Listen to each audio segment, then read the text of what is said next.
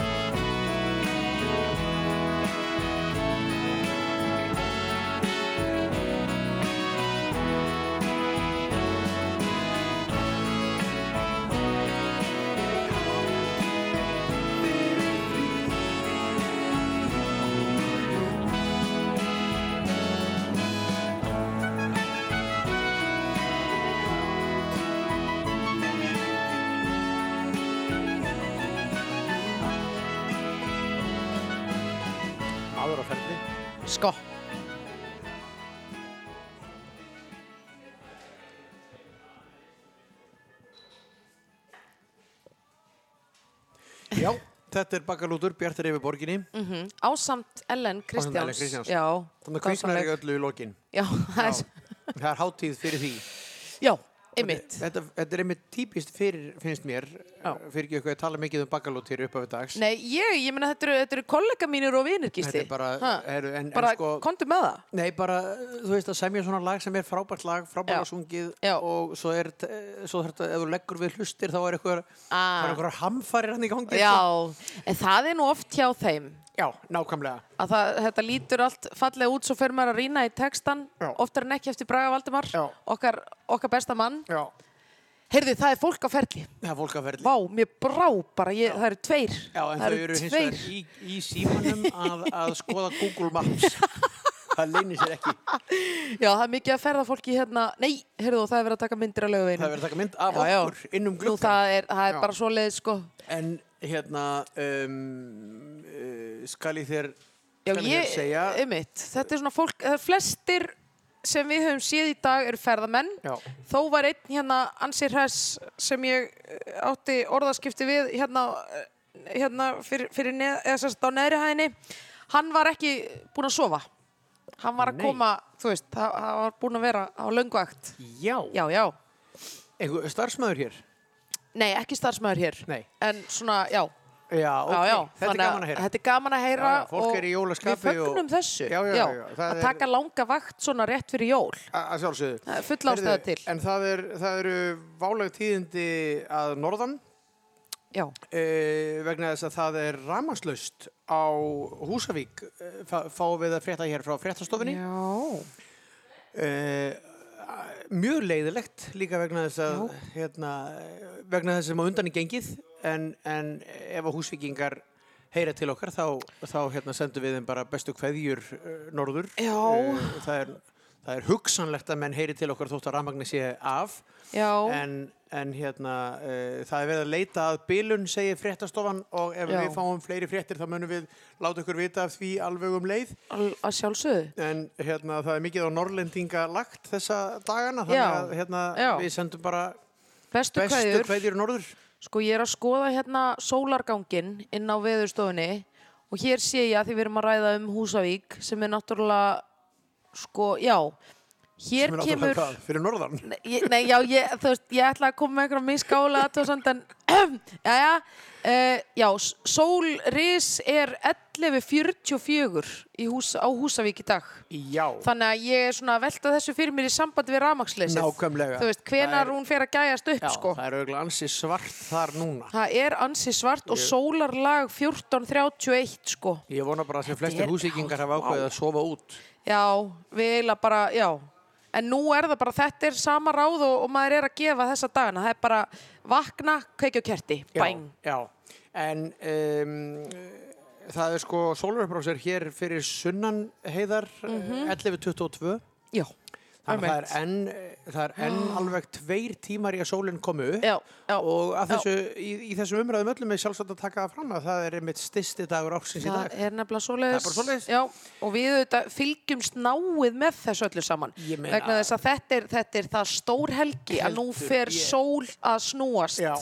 Og Það nú er- fer bara að vora. Já, já, þannig lag. Þannig. Landið er að rísa. Landið er að rísa. Þið En heyrðu það sko, fyrst hér. Tveir stystu dagar ásins eru í dag og á morgun. Þessi helgi, bara þessi helgi. verður mjög stutt. Það er, það er ekkert að, neyta því. Uh, einmitt, já, svona allavega byrtulega séð. Já, já. Þannig að svo má nú gera sér ímislegt til dundurs í myrkrinu. Og það er náttúrulega líka hvort sem að fólk er kristinnar trúar eða eitthvað annað, Já. þá hefur sko náttúrulega hafa heimsbúar uh, eða jarðarbúar saminast um Já. að fagna þessum tímamótum. Já, já. Þegar sólinn fyrir að hækka á lofti, Já, já. alveg sama hver, hver er trúarmenn eru, Já. Uh, hérna, eða hvaða lífskoðinni þeir hafa aðrar, þá er alltaf hægt að fagna þessu. Að sjálfsögðu. Það, það, það byrtir alltaf til. Það og þetta er, alltaf þetta er eitt af því sem að mannfólki getur samanast um að, að, að gleðjast yfir. Já. Heyrðu, en áfram með smjöri, þú varst að segja frá Baggalúts tónleikunum sem þú fórst á. Ég fór nefnilega á aðra tónleika í vikunni hjá Sigriði Torlasís og Sigri Guðmundsinni. Siggu og Sigga. Já. Bæng. Þetta er rétt orðið.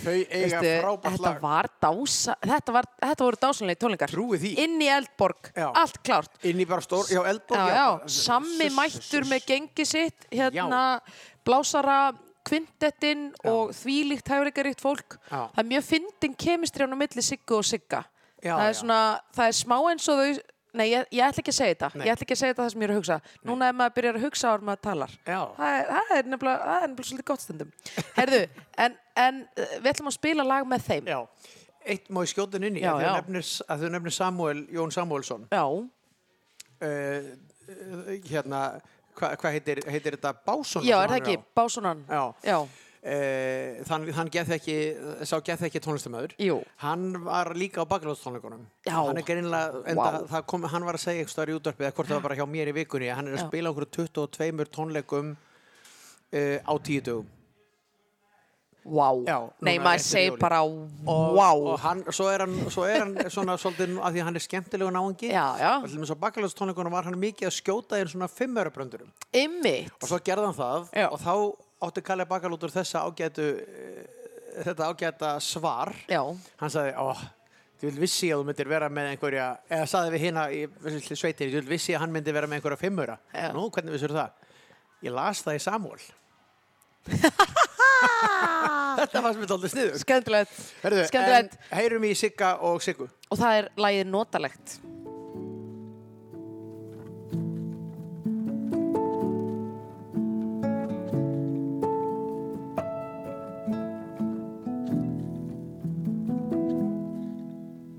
Það er náttúrulykt í náttmyrkrinu, það er nokkuð aukt á veginum. Það er latur maður sem lepur úr pottinum. Það er ilmur af brauði og brendum sigri þessa brandi essens í staup. Inn í ónefndu húsi, aftast í innbænum. Dálítill fresköttur fetar sín kunnu spór úr einu skoti annað líkt. Hollasta stíð ekki út af tróðnasta slóðanum. Það eru allir að skottast úr húsi í hús að vera hér eða hérna eða þar. En aldrei aftur á slitnum og bláum batskónum. En ég veit ekki hvaðan veturinn koma hann að flýta sér í gott partí. eða viltist hann hingað á vafasömmum forsendum. Það er líklega nöðsynlegt að njóta þess að vera einfallega bara til.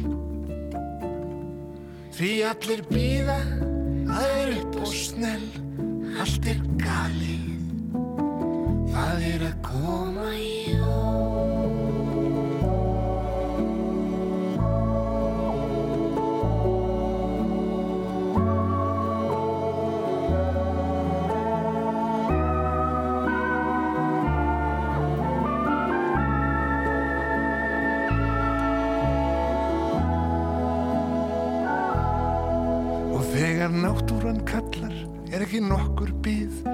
Það sé nöðsynlegt að fá sér smók.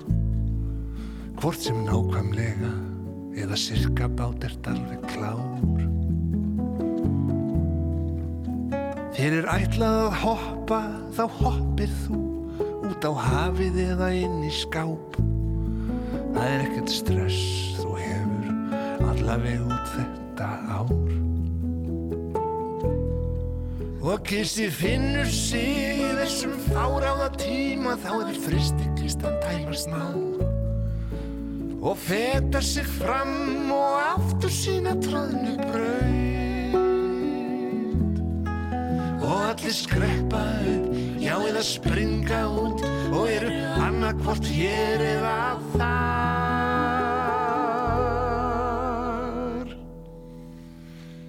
Ég bara veit ekki hvaðan þessi vetur kom Var hann á rifi eða gleni vík. Kanski viltist hann söður eftir stelpur Keflavík. En það er bókstaflega banalt að gera nokkuð hugsanlega að vera til. Því það er nægur tími, það er notalegt, það er kósi, það eru komin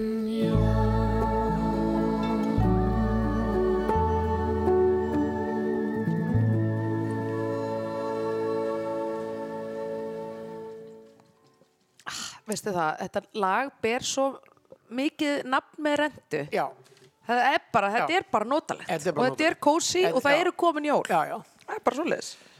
Og hérna, já, já, og það er gott að fá svona lög um það sem að, sko, maður á að vera að gera. Já, þú veist, og hérna, mitt myndbandið er svolítið þannig að maður er eitthvað, fólk að setjast í, sko, ruggustóla með púða við bakið og svona.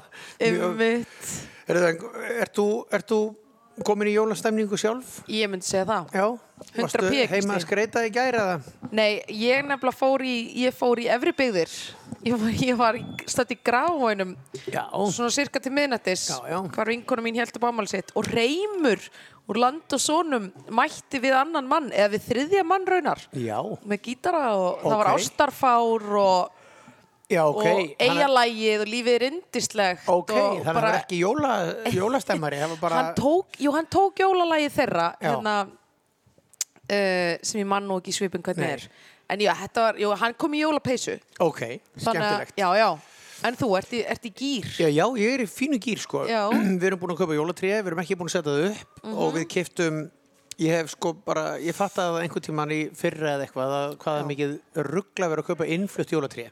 Já, þú heggur þitt eigið Nei, nei, bara að maður getur keft íslensk Já, sem að einhver er nýbúin að höggva fyrir mann. já, auðvitað Maður er búin að kaupa innflutt eitthvað normans þinn sem eru æðislega tré en Já, já. við eigum bara nóg af nýtjaskóum hér og Nákvæmlega. eigum að sjálfsögðu bara að kaupa íslensk tré. auðvitað Og núna keftum við sem sagt rauðgrinni sem er þetta gamla sem að sko, sem að, þú veist, var orðið bara allsbert alltaf, þú veist, svona um áramót bara það var svona eins og ykkur um ekkert eftir. nei, nei, og þú gast ekki verið berfættur inni hjá þér af því að þú það er allt í nálum Já, já. og ég, meina, ég sé fyrir mér tinna hundin minn sko, hann mun bara vera hann mun vera með jafn mikið greninálum eins og hárum. Æ, en ég, ég er um blað en, en, já, sorry, en bara ég ætla að segja rauðgrinni er svo fallegt. Já, Þetta er svo fínlegt. Nálarnar eru svo fínlega, greinarnar eru, þetta er ótrúlega og eitthvað svo íslenskt, ég bara fattaði ekki fyrir en það var komið inn til okkar bara, já, með, þetta er Vá. aðeins svona þetta er, þetta er gamla daga já, geggjað En fyrir ekki, þú varst að segja Nei, ég ætlaði bara að segja að þarna ég nefnilega, að því að ég bý nú ekki í stórri íbúð uh, ég bý ekki í einbilshúsi, ég veit að þetta er sjokkarandi fyrir hlustendur að heyra þetta en það, þannig að ég bráða það ráð að hafa sko, ég er með tré á fæti mm -hmm. tröpputré, ég er með það út á svölum en ég er Já. með það á stól þannig að það er eins og sé, eða þú veist fattar Já, pælinguna svona Það- inni-úti stemning. það er smá inni úti stemning Akkúrat. og þá þarf ég ekki að þú veist, einmitt stíga á nálarnar sem detta af og veistu það, því ég kom fram í morgun ég fór næstu að gráta og svo kósi ég var búin að setja svona rauða serju á það Já. það var svo fallegt Já. ég fekk svona bara hlíti hjartað Er það? Já, það er En það. gaman. Já, Virkilega gaman að heyra ótrúlega gaman. Já. Það er nú akkurat, þannig að ég myndi segja að jólaandin væri komin algjörlega yfir þig. Já, ég held það Ég var held sko, það. í gerkvöldi var ég heima, ég var ekki í partíi upp í Grái, heldur heima hjá mér. Já, Ég skal segja hvað ég var að gera. já, já Ég var að gera remúlaði. Hefur þú búið til remúlaði? Nei, Nei. Það er nefnilega bara... Já, ég skal segja þér það. Já. Ég ætla ekki svo sem við verum með einhverju uppskrift hérna. Jú. En að því að við þekkjum remúlaði sem eitthvað í plasttúbu. Mm -hmm. Er drullu bara. Mhm. Fyrst og fremst fytandi og ekkert að frétta. ekkert að frétta Sko gott remúlaði er hins vegar bara, þú veist, uh, það er mjög auðvelt að gera náttúrulega. Ég ætla ekki að láta eins og þetta sé einhver svakalega eldamennska. En ástæðan svo að ég er með fólk í mat heima í háttegin í dag Já. og við erum með svona rauðsprettu. Stjerniskúð, hérna Einmitt, já. sm smurbrauðs rauðsprettu. einmitt Þú veist, á rúbrauði með miklu smjöri, Já. rauðsprettan ofan á og svo mikið af nei, Gísli, Mikið af remúlaði. vá. Og þú veist, rækjur, eitthvað svona. Já, þetta er geggjað Jafnvel einn öllari á, á, já, og, og hugsanlega álaborgar ágavíti. Já Þetta er kannski of snemt til þess að vera að tala svona... Nei, ég held ekki. Hérna, Ég held að þetta sé sí- síður en svo. Gáleysislega Nei, nei. Ertu með ágavítið, ertu með það ískalt ískalt. og ísköld glösin? Nei, nei, ekkert ísköld Nei, glösin. nei, nei, það nei. kalt. Það er bara, Já. já, ok, já. Eh, hins vegar, já. þá er ekki alveg nógu kalt úti til að gera sem ég ætlaði að gera. Ég ætlaði Ah. að vera búin að gera svona, þú veist, klaka utanum Já. Ágabítis flöskuna, veistu hvað ég meina? Einmitt, Þannig að- þannig að já. flaskan er svona fast er í klakanum og já. greni og svona. Heru, ég útbjóð þetta allt saman, setti út á svalir fyrir ykkur um fjórun dögum og hugsaði, ok, þetta frís, svo bara er búið að vera fjórast eða hitt Já, nákvæmlega. Þannig að verður ekki, það verður ekkit svoleiðis. Ok, það verður ekkert svo leiðis. En ég skal segja hvernig remólað er. Já, ég að- einmitt. Nei, bara það glóa allar símalínur hérna, Ég fólk vil, vill ég, vil vita, uppskriftina.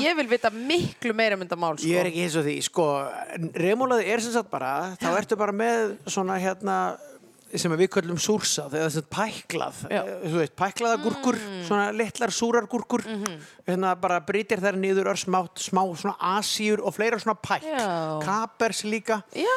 skerð þetta allt saman niður, Ok. alveg helling af þessu. Já. og svo hrærir þetta bara basically saman við pínlít, ekki mikið, bara doldið majónes og svo smá kannski hreina jógurt Já, já, ok.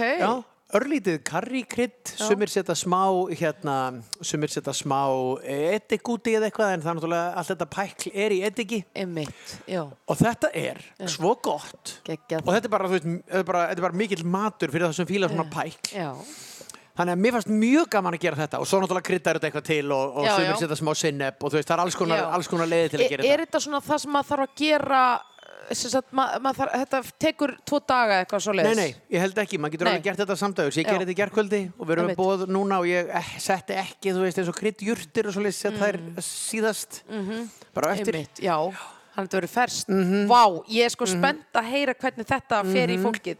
Mér heyrist að þetta verði gourmet. Ég held sko að, sko, við, við erum ekki að gera þetta allt alveg frá grunni. Er- maður getur til dæmis keift svona rauðsprettuflög sem eru, þú veist, Já. sem eru komin í raspið. Já, já, og maður getur keift það bara í góðri fiskbúð. Þannig að þetta er svona frekar þægilegt matabóð Ah, þú veist, þú bara köpum já. sér rúbrauð já, uh, og ég mitt ringdi í brauð og kó spurði hvort að þau hérna, bökuðu rúbrauð á lögatöfum og það bara, já, við bökum rúbrauð ok, Nice. þá kaupi ég það þar. Svo bara íslenskt smjör já. rauðsprettuflakið á pönnuna í, á, í smjöri í smá tíma og svo bara leggur þetta allt saman og ég las í einhverju Sko, danskri þetta er 100 uppskrift pekísli sko, 100. he- verður þetta ekki skemmtilegt? Þetta eru geggjað. Já. Þetta er líka svolítið svona, er þetta ekki svolítið svona árstegabundið? Þú myndir kannski ekki bjóða upp á þetta og heitum svona- júnidegi. þetta er júlifrókost Já, er þetta ekki Þetta er er, já, þetta er íslenski skólinn í því. já, eða danski, við erum að teika, teika danska skólan Nei, þetta er geggjað. Ég, ég held að sko, ég tali fyrir hönd hlustenda og bara þjóðarinnar. Þegar ég segja að ég vil fá fréttir af þessu máli. Ég meina, ég vil fá fréttir af þessu máli Sko, hver ég- ég vil að fá hérna umsagnir. bara símskeiti og blóm já, ég vil fá bara Fólk- dóma um, um fólk streymir að hér á Laugaveginn. fólk streymir að. Já, það er bara það er ströymur niður klappastíðin rosa, já, fólk er að heyra af þessu. En hérna, að því við erum hérna onni miðbæ.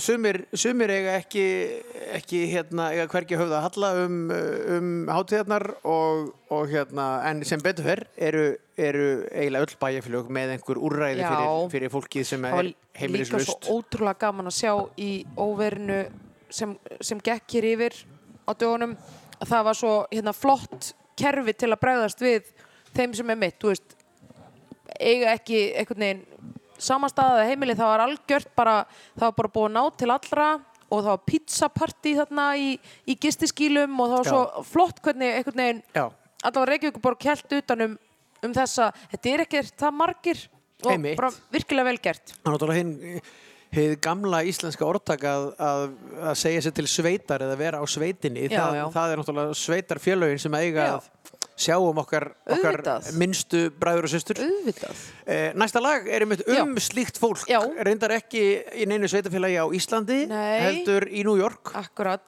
og það er Fairy Tale Ævintýrið Já, æfintýrið í New York Já. og eins og ég hef áður að því að svo gaman að, að því að hérna, hann er náttúrulega frækt sko, austuströnd, uh, já, ég- tölum við þessu hérna. in the drunk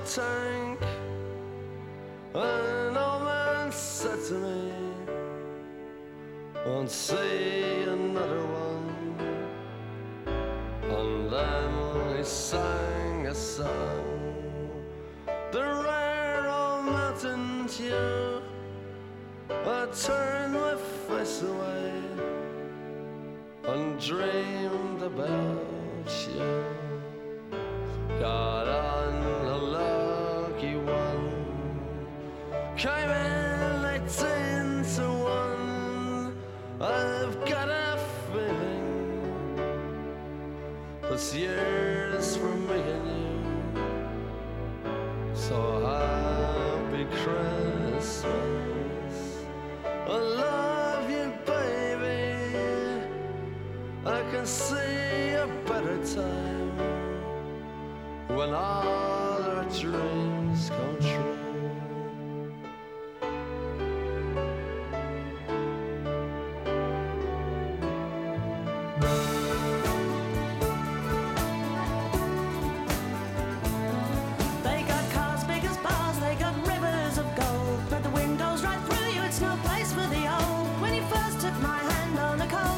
Eve, you promised me Broadway was waiting for me. You were handsome. You were pretty queen of New York City when, When the band finished playing. They held out for more. Sinatra was swinging, all the drunks they were singing. We kissed on the corner, then danced through the night. The boys of the NYPD choir were singing, Go away, babe. and the bells were ringing out for Christmas Day.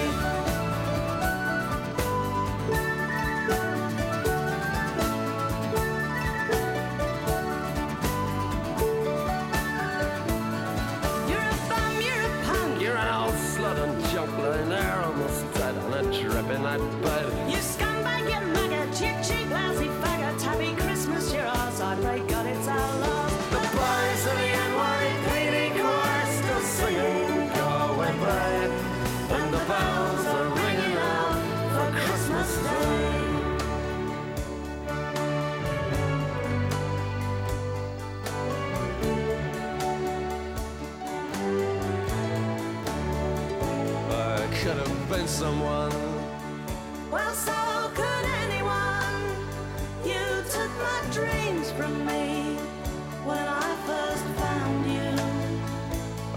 them with me, babe. I put them with my own. Can't make it all alone. I built my dreams around you. The boys of the NYPD choir still singing, "Go away, babe," and the bells are ringing out for Christmas Day.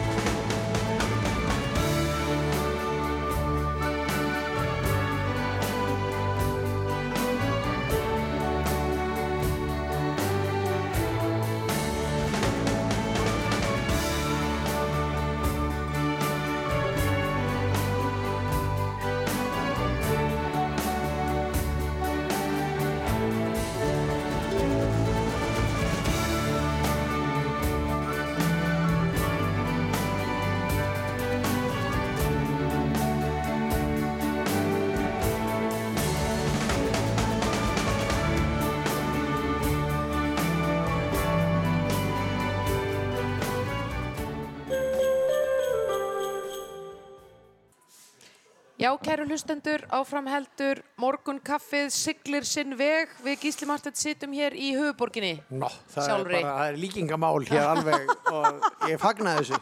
Ég fagna Er þessu. það. Alltaf að nota eitthvað siglingarlingo þegar maður hefur tækifæri til. Já, Er það sérstaklega hefur maður aldrei verið til sjós eins og við.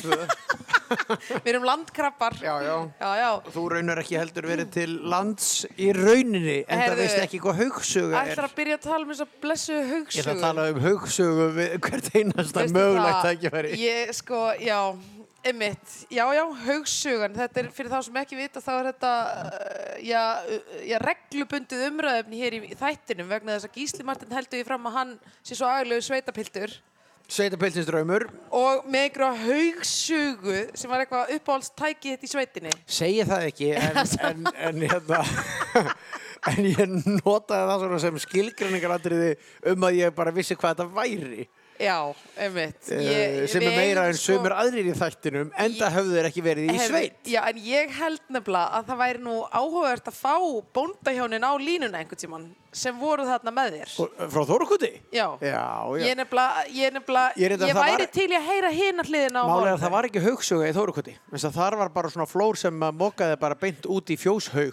Bara Þú gamli heldur því skólinn. fram að þú hefur verið að móka flórin bara endalaust. Ekki, ekki endalust, en þegar ég var í sveit þarna, þá var það klárlega í mínum verkaring að moka flórin. Og þetta er náttúrulega gert alveg, skilur við, tvisvar á dag, að minnstakosti. Já, já, ok. En, Já, já. en þar sem ég var annar staðar í sveit, sem er á Snorrastöðum, Já, uh, þú ert bara, eh, þú veist, ég er að reyna að sjá þetta fyrir mig. þar ekki afi og amma. Já, ok. Þar, var ekki, þar þurfti ekki að moka flórin, heldur bara að skafa flórin. Skilur þú þurfti að skafa svona ofan í grind vegna þess að þar var haughús. þar var sem að, ég veit ekki hvort þú uh, þekkir orðið haughús, en hlustendur viðamlega þekki orðið haughús, það er, það er skíturinn og beljónum geimtur, sem sagt. Og svo þarf þetta einhvern veginn að sjúa hann upp og það er, kemur haugsugan að góðum nótum mín kæra Björg. Þetta er svona svipað og ríksuga nema þetta sígur beljukúk. Heitir haugsuga. Þetta er svo gott, sko. En herðu, ég er með aðra spurningu. Já. Veist þú hvað jesserót er? Sko, Jesser er úr biblíumáli. Já, Þetta er vantalega afkomendur Jessers. já. Já. En byrju, er þetta ekki, er þetta ekki, þetta er ekki eitthvað matarkins? Að því nú varst þú með lærðan pistil um remúla. Það er engin Jesser rót í remúlaðu. Nei, maður er svona, hugsa, gulrót, jesserót. Nema hvað, að, Ég veit hvert þú ert að fara með er það þetta. ekki? Jú. Já, sko það er nefnilega þannig að jólalag nokkuð heitir Það aldin út er sprungið og textin er eftir Mattias Jokkumsson og byrjar sko svona Það aldin út er sprungið og ilmar sólumót sem fyrr var fagurt sungið af fríðri jesserót. Þetta er sko, Þannig þetta ald, er- aldinni þetta sem er sprungið út Já. er Jésu. Já, og ilmar sólumót sem fyrr var fagurt sungið af fríðri jesserót. Þannig að einhver hefur, einhver falleg manneska af jesse ætt hefur Bóðað, Boðað- komu. svona kannski spámaður eða spákona. Já, þetta er vantalega eitthvað þannig. Er Hefur bóm, bóðað komu Krist. bóm. Þetta er svo leiðis. Já. Þetta er svo leiðis. En, en þetta er íslenski textin við þetta lag. Þetta er auðvitað frægur sálmur og margir eh, tónlistamenn hafa sungið þetta meðal annars, sá sem við ætlum að spila næst. Það er hann Sufjan Stevens, geggjaður, geggjaður tónlistamæður og hann, Hefur hann ekki komið, ég held að hann hefur komið tón- hvort hann spilaði fríkirkjunni eða eitthvað. Já, jú, Eiginlega jú. samfærður um það. Já. Já.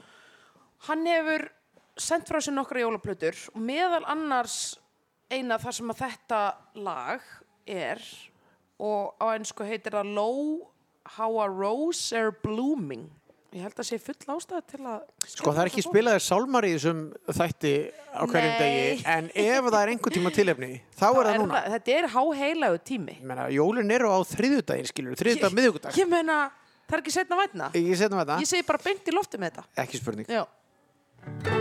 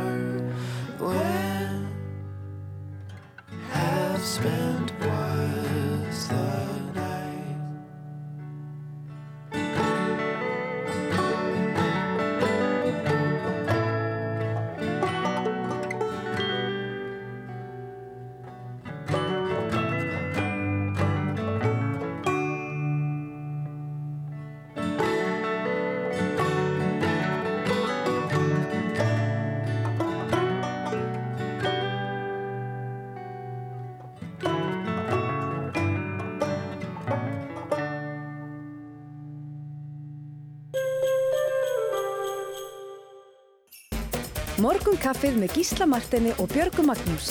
Alla lögadaga á Rástvö. Fyrst og fremst um helgar. Já, velkomin aftur. Það er hinn mexikoski trompet.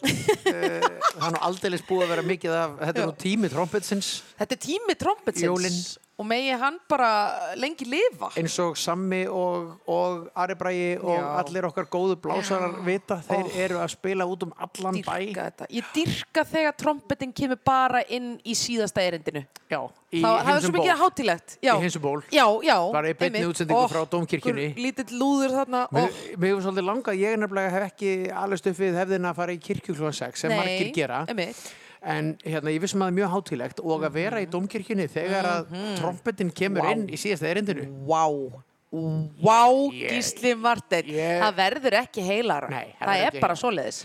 En um, Áfram með smjörið áfram hér. smjörið, við erum búin að vera á rólegu nótunum, nú er klukkan Já, já. að neglast í tíu, að þannig að í það, tíu. það þarf að setja svolítið stuð í gang. Upp, Og, og hér, er, hér er prinsinn sjálfur, mættur, beint úr breiðalturu, fermdist í fell á hólakirkju með bakalóti, kallt á Já. toppnum.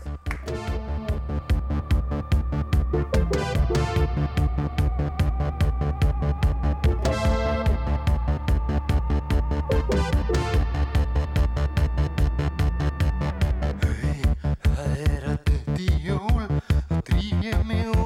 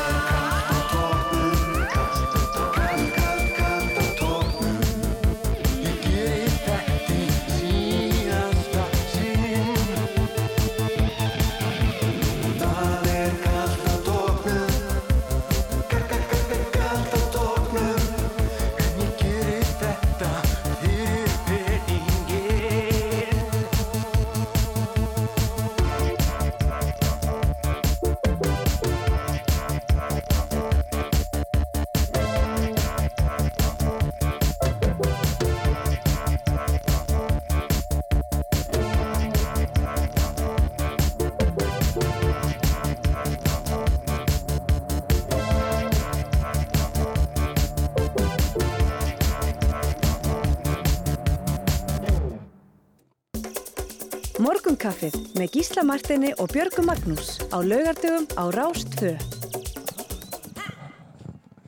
Já, góð hlustendur, velkomnir aftur í þáttinn. Já, Já. þið fengu þarna nýjustu fréttir frá Já. Húsavík. Já, Við já. vonum auðvitað öll að það komist sem fyrst aftur á rafmagn Já, þar.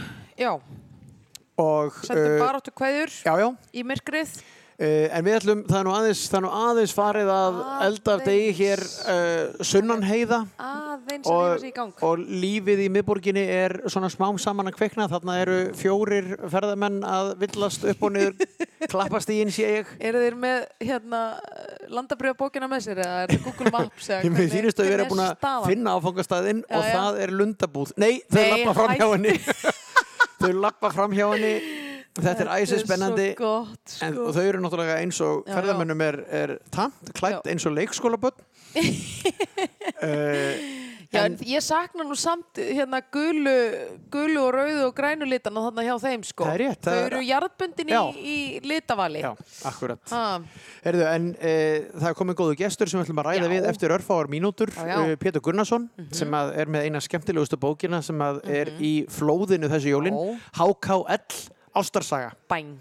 Ég er, ég er að lesa hana Já. og þetta er, þetta er indislestur í orðsins fylstu merkingum. Mér finnst þetta algjörlega storkoslegt þannig að ég hlakka til að tala við Pétur. Já, Ef ekki keira eitt lag í gang ég held það. og, og meðan að Pétur fær sér cappuccino og Já. við tölum svo við kappan. Það er svoleiðis og það er Ragnhildur Gísladóttir með Jóla Jólasveit.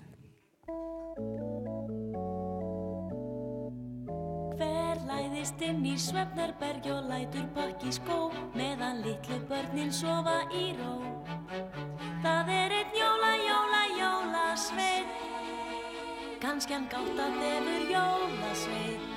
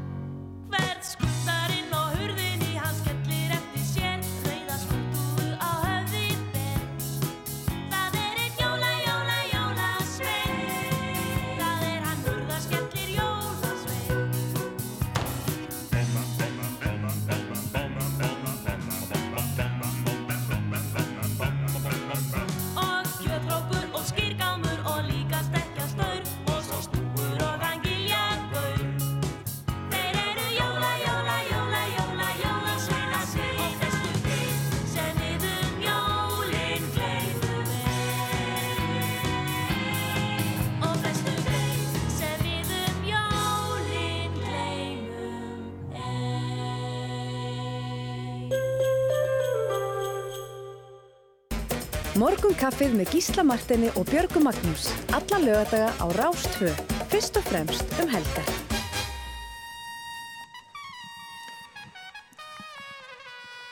Til okkar er komin Pétur Gunnarsson rittöfundur sem að er með bók í, e, í jólabókaflóðinu e, sem að ekki er hægt að kalla annað, eitthvað mesta flóð síðari ára. Já, það er svo leiðis. Já. Þetta er svona jákvætt flóð. Já. Já. E, hérna, bókin heitir HKL Ástarsaga. Velkomin Pétur og til hamingi með bókina. Já, takk.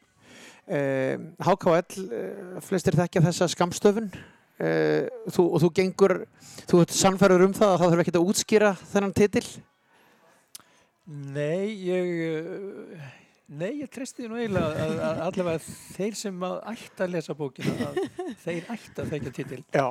og þeir sem að þekkja ekki þessa skamstöfun að þeir ættu kannski ekkert að lesa bókina. Ég, Þannig að þetta er svona Þú reglur. ert, hérna, gott er að skáld eru svona, hérna komið með sko sjálfströst eftir, eftir langan langa baráttu í hérna við skáldagiðjuna og hafa sjálfströst til þess að segja bara þessi bók mun finna sína lesendur já, satt að segja þá hefur þetta alltaf verið svona svolítil martröð hjá mér. Ég er svona frekar skeptískur á að ef að bækur eru auglýstar mjög mikið að það er eh, rati í vittlausar hendur. að eh, það er ekkit uh, víst að, að, að tiltengin bók sé endilega allra. Og, og, og ég get ekki hugsað mér ef einhver fengi mína bók í jólagjöf og, og svo væri þetta bara alls ekki bókin sem hann langar til þess að lesa. Þannig að, að það finnst mér eiginlega að vera hlutverk sko bókmyndaumfjöldunar að, að gera lesundum grein fyrir því hvurslags bók þetta er. Þannig að titillin er útpældur út frá sko, Já, hann er þessu. svona svolítið, haldur mér slepptu mér titill. Já. Herðu, aðeins þá um þetta því að, að, því að hérna, það segir einhvers staðar þarna að ef einhver hafi verið ölvaður af HKL eh, sem ungum maður og, og fram eftir aldri, þá hafi það verið þú. Já, Eh, se- segðu okkur aðeins hvernig það var að vera sko, þú kemur inn hérna, nýja kynnslóðin fi- hvað, hvað voruð þið kalluð, fyndna kynnslóðin og lesa skáldir vondu og allt það. Já. og Halldór Lagsnes gnæfir yfir öllu eða skuggi hans gnæfir yfir öllu. Ég myndi að segja ljós. Eða ljós, já. Ljós hans eh, lýsir lýsir upp sviðið satt að segja og eh, en ég náttúrulega, ég er hvað, ég er átt ára þegar hann fær uh, Nobelsvelunin Já. Og uh, þá náttúrulega verður þvílíku fókus á Haldur og, og þetta er á tíma þegar það er náttúrulega bara einu rás. Það er bara útvarp Já, já. og síðan dagblöðin. Ekkert sjónvarp náttúrulega. Þannig að, að uh, hann er í þvílíku sviðsljósi frá og með Nobelsvelunum og þannig að það gæt náttúrulega ekki farið fram hjá manni. Og það var alltaf verið að, að, að tala við Haldur og, og hann var svo skemmtilegur í, í þessum viðtölum. Já. Og síðan var náttúrulega alltaf verið að lesa hans sögur í útvarpi og hann sjálfur Já. las þar, mjög skemmtilega. Já. þannig að, að það fór ekki hjá því að maður uh, yrði að maður Ánetjaðist, á þessum, þessum árum sko. Já, sko ég er búinn að lesa fyrstu hundra síðunar eða svo. Og eh, hérna að, að því að titillin er svona það er hægt að, það er hægt að skilja hann sko á ímsavegu HKL Ástarsaga er þetta ástar bref þitt til hans? Er þetta, er þetta saga um ást þína á honum? Eða er þetta, er þetta saga um ástir hans? Eða hvernig á maður að skilja undir titillin, titillin Ástarsaga Já, mér finnst nú eiginlega ágætt að, að titlar séu margræðir Já. og uh, það, það sé eiginlega ekki hægt að króa merkinguna beinlínis af. En uh, þetta fjallar náttúrulega mjög mikið um upphaf Halldórs sem rítvöndar og hans fyrsta skaldsaga, hans fyrsta bók er jú barnátturunar og hún hafði þennan undirtitil. Já, er Ástarsaga. Já. Nú síðan uh, koma þarna au- auðvitað við sögu ástir Halldórs í, í þessu verki. Já, já. Og jú, jú, það má líka segja að það sé náttúrulega ástarjátning mín til, til Halldórs. Já.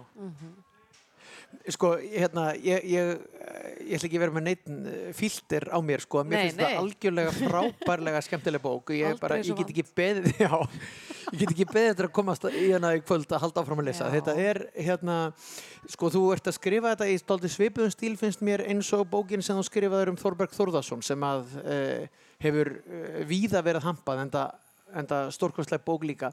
Þú ert svona næstu því að spjalla við lesandan, finnst mér. Þú, þú ert sjálfur þarna inn í þessu þú ert að segja að þegar ég bjó á öldugötunni og eitthvað svona. Um, er þetta sko Já, e, hérna, af, af hverju þessi stíl á þetta verk og þessi?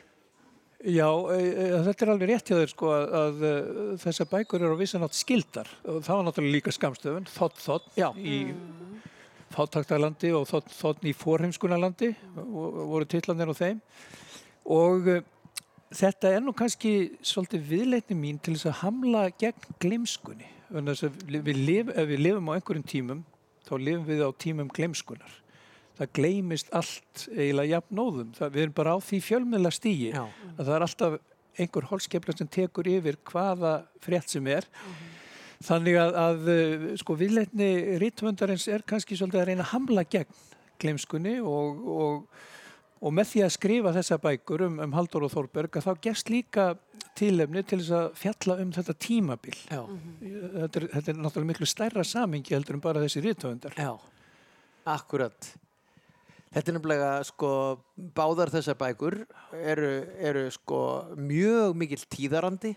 Ég, ég er að lesa þessa bók og ég er að læra alls konar um Jóhann Jónsson skáld sem ég vissi ekki nógu mikið um og svo framvegis. Þannig að, einmitt, þú ert að, þú ert að, það er mikil svona, hvað var að segja, það, það er, þú lýsir stemningu mjög mikið þarna. Já, það er eh, sko eh, Jóhann eh, Sigur Jónsson, það er, það er nú 100 ár síðan að hann dó. Já, það er 100 ár síðan að hann dó, þannig að, að hans minning hefur verið svolítið á lofti, þannig að það er svolítið gaman að heilsa upp á hann. Já. Þetta magnaða ljóðskáld og leikrita Já, Og síðan náttúrulega Jóhann Jónsson sem var þvílík stærð á þessum tíma og er náttúrulega frægur fyrir það að hafa, sem ég segja, oft bara eitt ljóð, jú, jú. Söknuð, eða, hann ortnir náttúrulega nokkuð ljóð en, en það er þetta ljóð söknuður sem að er bara eitt frægasta ljóð í íslenskum bókmyndum. Og þú segir að það hefur bara verið fyrir þig að heyra, hvað, var ekki að heyra Arnar Jónsson lesa það, það var bara eins og að heyra nýtt bítlalag. Já, það, sko, uh, söknuður eftir Jóhann Jónsson var bara mjög mikið í umferð þegar ég var í meldskóla og það kunnu allir þetta ljóð. Og, og þegar við vorum komin á barinn á Hotel Borg að þá var alveg sagt að fara með þetta ljóð eins og að, að, að raula eitthvað poplag Já. og já, ég minnist á þannig í bókina mér er það svo minnist þetta þegar Arnar Jónsson sem var þá bara leiklista nemi fór með þetta ljóð uppátt á barnum á, á Hotel Borg og smátt og smátt bættust fleiri rattir í hópin sem að kunnu náttúrulega ah. hraflúljóðinu Já. Og þetta var bara svona magnað moment. Já. En að því þú segir að við lifum á tímum eða öld gleimskunar, hvað finnst þér svona um, um einhvern veginn samtíman og, og þetta einhvern veginn þennan stað sem við erum stödd á akkurat núna? Því þú ert að reyfi hérna upp hérna, tíðaranda og svona annað andrúsloft, hvað finnst þér um nútíman? Já, ég er mikill hatursmaður nútíma Nei, í alvöru? Og- Já, já Nú, hattar eh, nútíman? og hérna uh, þannig að, að, að mér finnst alveg ástæða til þess að, að sporna gegn ímsu sem, að- sem, að, spórna gegn nútímanum. sem að við upplifum vegna þess að við erum jú stött á, á tímabili Já. þar sem að við vitum sko þetta er algjörlega nýtt, við erum á krossgötum hingað til hefur leiðin alltaf verið fram en nú vitum við að leiðin er ekki lengur fram hvert verður, verður hún aftur þannig að, að við erum ekki alveg eins bláeig gagvart, gagvart tímanum eins og, eins og við kannski vorum Ertu þá að vísi bara loftslagsbreytingarnar og það allt saman? Já, þá er ég bara að vísa í alls konar breytingar og, og uh, mér finnst bara aðtilsverð bara í sambandi við til dæmis minn rithöndaferil að, að ég var alltaf svona eins og hillaður af byrjunum, hvernig byrja hlutinir. Ljóðabóki mín, fyrsta, fyrsta ljóði í henni var af jarðarinnar hálfu byrja allir dagafallega. Já. Punkturinn var um það hvernig einstaklingurinn byrjar. Já.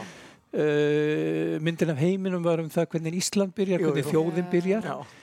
En í dag að þá eru sko endalókin orðin svo yfirgnæfandi. Hvernig mun allt enda og uh, bara tæki bóka Andra Snæs til dæmis að þá er það miklu frekar endalókin og, og þetta eru náttúrulega heilmikil kvörf á, á æfi eins, einstaklings að, að fara frá frá uh, upphafinu til endalókana. Já. En er þetta ekki típist fyrir ykkur af 68 kynnslóðinni að, hérna, að, að finnast alltaf að vera stórkoslegt þá? Ykkur fannst þið vera, sem þið voruð, upphafið að nútíma Íslandi? Uh, sko fyrir mér er upphafið að nútíma Íslandi bara sko sigumóla kynnslóðin og, og, og þau og, og fyrir öruglega krakka sem eru tvítugir núna þá er það bara rappararnir sem eru upphafið að nútíma Íslandi. Já, já, það, það eiga öruglega allir sinn blóma tíma Já. og, uh, og auðvitað mín kynnsló var alveg jafn ómöguleg og, og unga kynnslóðin er í dag. Það, það, það er alltaf þannig. Nei, nei, en, en það er bara ýmislegt sem að mér var kært skiljiði, sem, að, sem að er, er horfið Já. eða að hverfa og, uh, og ég er ekkert að klappa fyrir því. Nei, nei, nei. En, en Pétur Gunnarsson, við sleppum þér, ertu búin að öllu? Nei, ég á eftir að setja upp jólatrið og ég á eftir að skreita og, uh, og bara nú er, þetta, nú er grínið að byrja, nú er skemmsti dagur ársins og nú fer sólinn að rýsa Já. þannig að nú fer maður að tilla upp öllum þessum ljósum. Já, Já. Má, ég- má ég spyrja einn einnar Já, lokaspurningar? loka spurning. Uh, var Halldór Lagsnes mikið jólabarn, myndur þú halda? Myndir að halda. Ég uh, man eftir því að Halldór uh, uh, talar á einhverjum stað um hvað þessi tími sé stórkostlegur, uh, jólafríið, að hann hafi, hann hafi yðurlega skrifað bara heila skáldsögu í, hérna, í, í þess, þessari eyðu sem að Já. jólin eru. Þessi, þessi, þessi, þessi rólegi tími sem jólin eru. Já. Þannig að hann þurfti ekki mikið að vera elda og skreita sjálfur. Nei, hann kannski. sennilega ekki staðið mikið Vá, í því. það er sjokkrandi að heyra þetta. En, en hérna, það er einhvern veginn dúrar allt niður í kringum hann og Já. það bara opnast hann að næði til þess að skrifa bara heila skáldsögu. Já. Herðu, það er bara við hvetjum fólk til að gera akkurat þetta. Já, Slaka á í stressinu. en þetta sem þú sagðir á hann, þetta lítur vera besta og mesta hrós til rithöfundar að geta ekki beðið eftir að komast heim og halda áfram að lesa bók. Já, ég meina Það ég... er- það er ég- geggjað, sko. Já, já, ég er búin, síðan ég byrjaði á þessar bók er ég búin að vera að segja Já. við alla, herðu, þetta er skemmtilegasta bókin í þessu jólabókaflóri. Já, Bara ekki flott. spurning, rjúka út í búð og kaupana Já. því að þetta, er- þetta er fullkomin lestur á, á hérna, aðfokkutaskvöld. Þannig að við hittumst bara í rúminu í kvöld. Já, akkurat. Við, Já, ég fyrir með þér í rúmið í kvöld. Pétur Gunnarsson, Takk fyrir að koma. rithöfundur, takk fyrir og við ætlum að hlusta á KK og Ellen meiri snjó.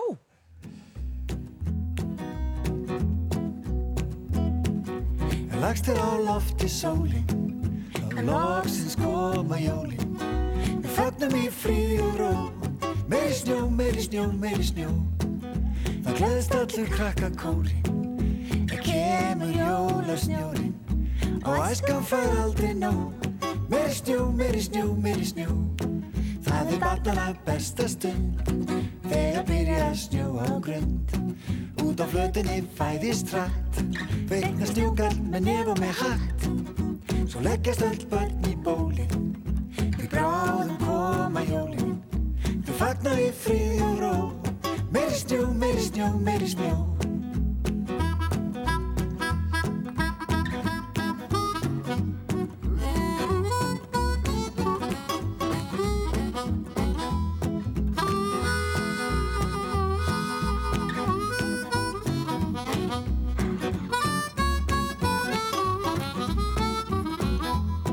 Það er barnana besta stund. Þegar byrjar að snjóa á grund Út á flötinni fæðist hratt. Veikni snjúkar með nef og með hatt. Svo leggjast öll börn í bólið. Við bráðum koma jólin. Við fagna í frið og ró. Meiri snjó, meiri snjó, meiri snjó. Það gleðst allir krakka kórin Það kemur jólasnjórin Og æskan fær aldrei nóg. Meiri snjó, meiri snjó, meiri snjó. Það er barnana besta stund fæðist hratt Feikna snjókall með nef og með hatt. Svo leggjast all börn í bólið. Bráðum koma jólin. Þau fagnar í og ró Meiri snjó, meiri snjó, meiri snjó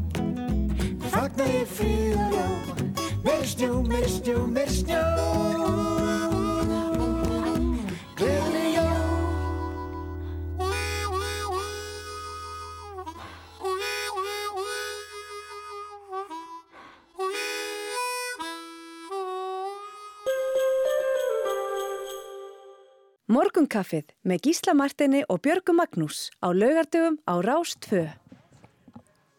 Já, þetta stendur heima. Nú getum við staðfest, Gísli Marteinn, að dagur er að rýsa. Já, það er nú samt áður er ennþá klukkutími í svoleiðis. sólarupprás en það er farið að byrta. það er aðeins farið að byrta á degi og við sitjum hér á, já, hvað, já, styrstu dögum ársins. Já. Þetta er næst styrsti eða styrsti dagurinn. Þetta er svona Það eru vetrasólstöður. eiginlega bara klukkan 4.19 í Já, nótt. já. Þá byrjar hjólið að snúast í Já. hinn áttina. Rétt. Sólin er í rauninni hvorki að hækka nýja lækka á hefni í dag. Hún, En sko þetta segir okkur það að við höfum þraukað. Já, Við höfum þraukað Já. og nú fer þetta alltaf snúast í betri vegar. nú fáum við upp, að uppskera. Nú fáum við að uppskera Já. og byrtan tekur við og það eru tveir ferðamenn á löguveginum. Og þeir mæta þannig öðrum tveimur og það eru prímaloft úlpur allt í gangi hér. Herru, þarna er þessi litur sem ég var að tala um. Svona þessi pastel Jú, jú. tónar, Jú, jú. pastelblár príma. Já, já. Allt upp á tíu hér. Heru, þannig er svona fjölskylda, þessi gæti nú er verið íslensk. af því að sko túristarnir eru venjulega ekki ef maður sér fólk með hund Já, þannig eru skokkar já, flott. já. Ég veit samt ekki, frá hverju er þetta fólk að hlaupa? Hva, Já, sagði þú þetta ekki? hvað er það- hvað er það að flýja? Hver sagði þetta? Þetta er Ólafsson. fyndið. Já, ok. hvað er hann að flýja? Hvað er hann að flýja? Já, Verðu, en nema hérna hvað? Já, byrju hvað ætlar að segja? Hundur, ef maður sér, fjölskylda? ef maður sér fólk með hund Já, þá veit maður að það er sem sagt uh, ekki ferðamenn Ah, innfættir. Já, ég meina hundur þarf að vera í hvað einangrun í, Já. þú veist, emitt. það er ólíklegt að það sé Ólíklegt, sko. Já. Já. Þannig að ef við sjáum einhvern vera með hund hérna á löguinum þá Já, veitum þá við að það er það. Íslandingur Uh, við erum Heyrðu, að fá eitt annan já. góðan gest, það er hún Ásta Fanny Sigurðardóttir, ljóðskáld uh, og bara hæfileika, hæfileika kona, hún gerir ímslit annað. Hún ætlar að fá sér te hérna og við ætlum að hlusta á eitt lag og svo ætlum við að spjalla við hana. það passar nú vel að ljóðbókin hennar heitir uh, Eilíðarnón Já, það, það er, er mjög, já, eiginlega mynd svona einhvers konar sem passar ágætlega við já, sólstöður finnst manni finnst manni? Já. það er svoleiðis. Erðu, en, en fáum eitt lag fyrst eitt lag, já. flest íslensku jólalög eru þýðingar á erlendum jólalögum og jólalagið Santa Claus is coming to town Já, eh, er þýtt af Hinriki Bjarnasinni sem jólasveitin kemur í kvöld ég held að sé gátt að þeifur sem kemur í kvöld það er svoleiðis. og einhvern tíman var Röð Reykjanalds þá einhver táningur mm. dregin og flót og látur syngja þetta og þetta er einn besta útgáfa af þessu Vá. jólalagi sem er til Vá, keirum það í gang vá.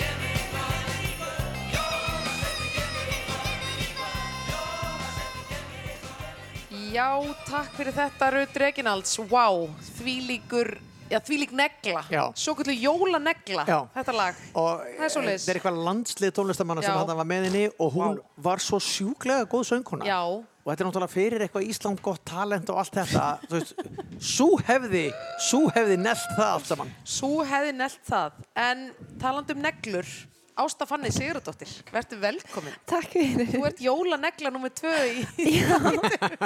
Svei mér þá. þú og Rödd Reginalds Já, Það þú er Ruth nú Reginalds. naumast. Já, Vá. en hérna, þú varst að gefa út ljóðabók. Já. Eilíðar nón þetta er óbáslega falleg kápa. Takk fyrir. getur þú aðeins bara farið yfir þetta með okkur? Því við vorum að tala um auðvitað nú eru svona styrstu dagarnir og það, er, það, það virkar eins og það séu ímist tákn hérna í, í kápunni. Já, það er fullt af það táknum, jú, algjörlega. já. Svona pínir líka hérna leynileg, eða þú veist, eða svona þegar maður pælir í þessu. En þetta er, þú veist, ein, einhvers konar pláneta eða klukka eða svona, þetta er svona hérna blandast allt og á mjög vel við, þú veist, þennan dag. Já, Einmitt. Einu morgun, þetta er svona já svolítið spottaðan. Já, þetta er það, þetta er það.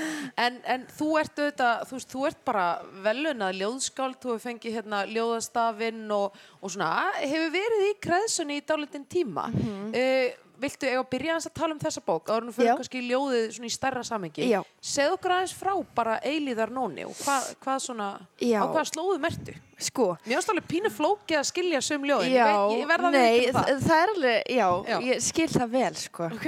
Þú veist, hérna, enda var ég ekkert eitthvað að reyna að gera þetta mjög auðskiljalegt, það, það var ekki eitthvað svona, en ég var ekki að reyna að gáfa gera, fólk Þa, þá hefur bara að skrifa skáldsögu, skilur en ég var ekki að reyna að gera það eitthvað flókið samt, sko, en þú veist, ég var bara eitthvað svona að fylgja einhverju flæði og einhverju svona, þú veist, ég var að kort Já, fyrir mig, sko, já, og þetta er svona kort til þess að útskýra kannski tíma og útskýra hérna já, áttir og svona hugsanir og tilveru. Og þetta er svona svolítið alls konar. Hún fer svo um svo viðan völl sko þessi bók. Hún, er svona, já, hún er eiginlega allstaðar og er í öllu. Já. en, en ég skil vel að maður verður svona, svona fyrst sko svona, Já. "Bíddu, hvert þetta fara með þetta? Já. en það er líka eh, svo það fallega við hérna við list sko að maður verður bara að trista og maður verður bara að halda áfram sko og fara inn í óvissuna á þess að vita hvert það leiði mann Mhm. sko En þú ert einmitt sko þekkt fyrir það að blanda saman, þú ert svona, þú ert sviðslista kona, þú ert performer, þú Já, það, já. það, þú ert í tónlist, þú ert í myndlist, þú, þú ert mjög svona, það er gaman að horfa á þig, flytja ljóðinn og tala og svona það, þú ert aldrei í þessu, hérna, umhverju einhvern veginn. já, einmitt, það passar ég, ég hérna, það var, þú veist, fyrir kannski svona sjö árum þá ákvað ég að gefa aldrei aftur út bók. Nei, mér fannst eitthvað svona mér fannst þetta form ekki alveg passa. Mér langaði svo að ljóðið er þetta svona, svona lifandi. Þú veist, í, í flutning, þú veist, í, svona, í loftinu, bara beint frá vörum til eyrna, mér finnst það eitthvað svo ótrúlega hérna fallegt. En svo hérna, já, þannig að ég var sko að performa, að lesa upp ljóð mjög oft og lesa það kannski bara einu sinni upp og svo bara eitthvað henda því en hérna, en eins og núna er um eitt komin bók, þú veist, sjö árum seinna þá er ég eitthvað svona búin að taka þetta í sátt sko. og þetta er líka, jú, bókaform er líka svo fallegt hérna, svo fallegt form. Eitthvað svona má ekki vannmynda það sko. Það er, er, er hérna því að sko þið eru nokkuð margar ungar konur Já. með ljóðabækur Já. uh, þessi jólin. Hvað getur, hefur einhverja skýring á því hversuna það er? Um, sko, nei, nei. já, ég, nei, ég, nei, ég veit ekki. Ég sko, kannski pæli ekki drosa mikið í hvort það séu eitthvað konur eða kallar, en, en, en auðvitað kannski er það ábyrrandi ef að hérna ef það er bara hérna kvenkins hérna, og, kannski, ég, ég, ég er svo sem hefur ekki meðnina tölfræðum en, en líka bara Nei. að það eru nokkrar eftir, eftir kalla líka eða stráka já, já, því, já, já, algjörlega En það er, hérna ég veit ekki hvort að það getur verið sko hinn knappi stíl samfélagsmiðla eða eitthvað sem er að, sem er að gera það verkum að, að ljóðið er að koma svona stert inn aftur. Já, ég veit ekki, sko, það sko ég, ég náttúrulega er ekkert sérstaklega mikið á samfélagsmiðlum nei. þannig að ég veit ekki alveg, ég er svolítið svona hérna Slovaki og á ljóðaháttíð að þá hérna fór ég í svona skóla og var að kenna ljóð og var svona hérna að tala við krakka og hvernig þau nálgast ljóðlist. Og þá töluðu þau um að þau skoðið öll ljóð í gegnum Instagram. Já, og bara, þú veist, allt þeirra allar, a- allur þeirra ljóða heimur Já. er í gegnum bara Instagram. Og mér fannst það svo hérna, svo ótrúlega furðulegt að því að þú veist það er svo allt öðru sér nálgun heldur en til dæmis ég hef og ég veit ekki alveg hvernig krakkar í dag eru þú veist það er náttúrulega kannski minni svona hefð hér á Íslandi að vera með eitthvað svona ljóð á Instagram en það er samt sko. En svona ég veit ekki alveg þú veist kannski er, er þetta út af einhver svona bylgu sem að þú veist er, er komið núna þú veist það er svona vera svona rosa mikil kvartning fyrir eitthvað svona kannski hérna konur að bara vera til eða eitthvað, eða taka pláss eða eitthvað, ég veit ekki hvort það sé eitthvað það en ég held samt að það sé ekki eitthvað sko eitthvað eitthva svona kvenlegt. Nei, já, ég held já. ekki sko. Já. Ég held kannski að þetta sé bara hérna ótrúlega random hérna sem að, Já. þú veist, hérna, já, sem bara eitthvað gerist. Ég veit, Já. já. En þú nefnir einmitt sko að þú, þú hafi verið hérna á ljóðaháttíð og þú ert alveg að fara sko víða um heim á háttíðum og lesa og, og allskins. Já. Hvernig hérna svona í hinnum stóra heimi, hvernig er staða ljóðsins? Já, einmitt. Svo hérna uh, þjakaða spurning. Já, sko, já. já, já. Ég, nú. Einmitt. Já, sko, svona heldarsýnin yfir stöðu ljósins. Ég held að þetta sé alltaf hérna spretta upp sko, meira og meira. Þetta er allt svona vaksa meira og meira og fólk er svona að þetta formi svo hérna undarlegt og aðlæðandi Mm. Og hérna og svo einfalt. Þú, þú veist, þú þarf bara orð og þarf ekkert annað einhvern. Þú þarfst Og að velja svona- rosalega vel orðin, Já, þannig að þetta hafi einmitt. áhrif. Al, algjörlega, en þú veist, ég, já, emmitt, ég er búin að vera kannski að uh, ferðast og vera að lesa upp á okkur svona ljóðháttíðum hérna út um allt Já.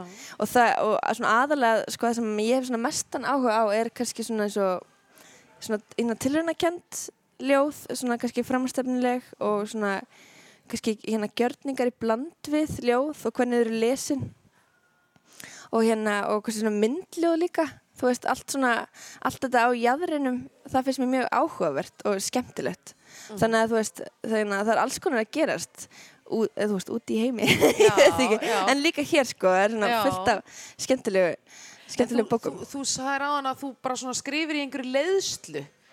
Hva, hvað gerist eiginlega? Einmitt. Já, ummitt, ég kann ekki alveg að, lýsa því, eða þú veist, það er ekki, já, það er, það er svona, meiri kannski það sem að, hérna, hvert pennin vil fara, sko. Að maður sé- Skrifur með penna, ef þú gerir ekki á tölvu. Nei, nei, nei, ég, ég skrifa bara í, í bók, eitthvað, ég er svolítið hérna gamaldags. Já, ég held, já, ég skrifa það svo sjaldan á, á, á hérna tölvu, þannig, sko. Bara blek og... Nei, ég kann kannski ekki alveg, það er romantist sko, bara eitthvað kúlupenni úr krónunni eða eitthvað sko, ég, ég veit ekki. En ég álega, þú veist, bleikpenna, mér finnst þetta svona, það er svona gaman að skrifa, það er svo mikil svona serimónia í því að skrifa.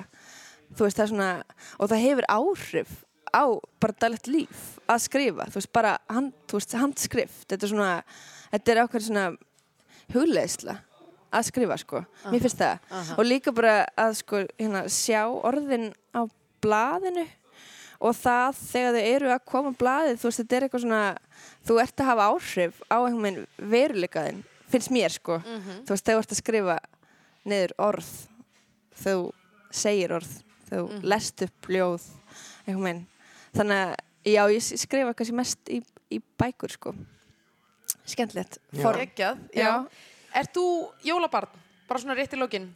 Um, já, ég er búin að vera að syngja sama jólalagi alveg þrjú ár, stanslist. Fyrir sjálfa þig eða Nei, bara, Upp á sviði nei, bara fyrir sjálfa mig Já. og, og bara hérna... Verður nú að lega okkur að heyra.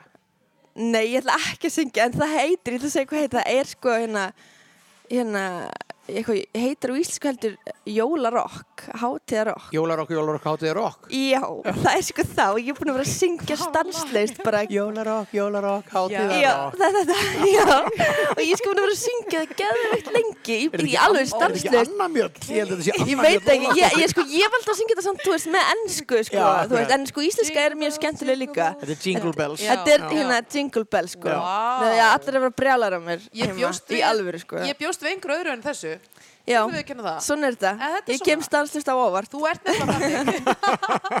Eh, Ásta Fanny Sigurðardóttir, takk fyrir að koma til okkar og til hamingi með hamingju með eilíða bókina. nón. Gaman að, já, falleg. gaman að koma.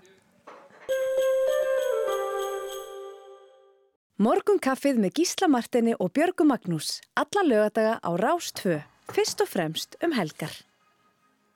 Það held ég uh, skáldin streyma hér inn og út uh, og, og það er óhægt að segja að það er verða jólalegt hér uh, í miðborginni. Já, það er uh, bara talsvert af fólki hér að, að rölda upp og niður já, upp og niður göttuna, sumir með innkaupapoka Já. aðrir með bakpoka. Það er eins og gengur. Það er eins og gengur. Og svo, svo hér, sé ég hér kaupmann hinn er með göttuna að vera að setja út mottuna Já. eða svona kaupmann, þetta er svona er- kannski meira Þetta er vertinn á Lebowski bar. hann hefur tekið mottuna inn gott fólk í nótt Já. hann hefur ekki treyst uh, skrilnum hér í borginni til að já, hyrða hann ekki og hann, og hann er bara líka að setja út borð og stóla hvorki Já, minna. bara svoleiðis. 21. desember, Já. bara stólar og borð úti. já, hér held ég hreinlega að við séum að sjá sömu ferðamannafjölskylduna aftur Já, fólk er greinlega svona svolítið að ráfa um. já, og þau eru að taka mynd mér sýnist flassið beinast að okkur En Nei, nei. em, Já, já. við, við erum eh, og bara þjóðin öll búin að vera með hugan aðeins við Norðurland Já, eftir, eftir auðvitað. hremmingarnar sem að þar gengu yfir sem betur fer eru nú flestir uh, konu með ramagn aftur á nýjan leik og, og svona en, Mhm. en, en uh, að því að hugurinn leitar norður Mhm. þá þá ætlum við að spila lag með stuðkompanínu Mhm. sem að er frá Akureyri og færiði okkur stuðið beint í æð og að hendu að sjálfsögðu í jólalag eins og allar betri hljómsveitir gera Já. og þetta er jólastund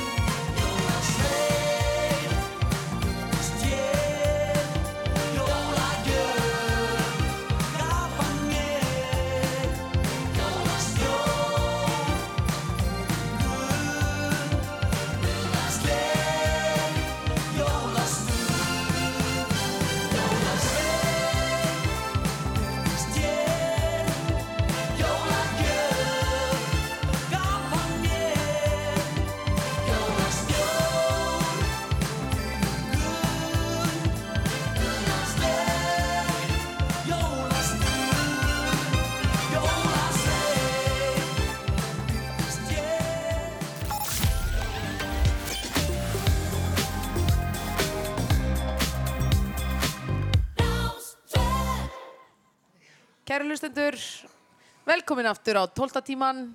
Það er Rástvöð sem talar.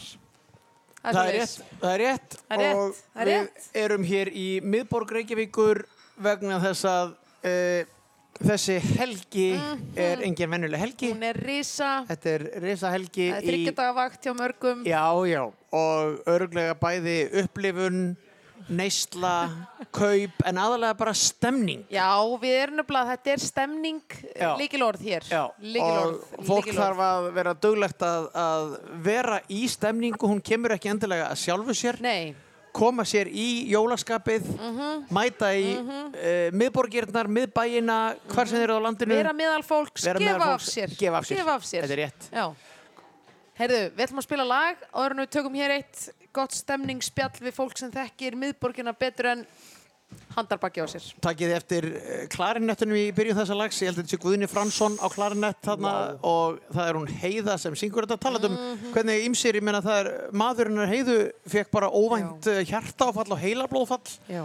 Uh, svona getur gerst, þannig að njóta Já. stundarinnar Já. bönni góðu, við vitum ekki hversu en hann, hann er á lífi, ég tekka fram Já, Já. nákvæmlega. og er á batavegi nákvæmlega. hann væri vitali hérna á Rástvöðum Nei, daginn mjög skemmtilegu vitali Auðvitað má ekki gleyma þakklætinu. það er málið Já. bara það er aldrei hægt að ganga en einu vísu að, en hér er sem sagt kona hans Já, uh, Elvars Heiða. Já. Heiða, sem syngur um stúf og uh, Bragi Valdimar sem er textan og sem er stórsnjall eins og fyrir daginn Aha.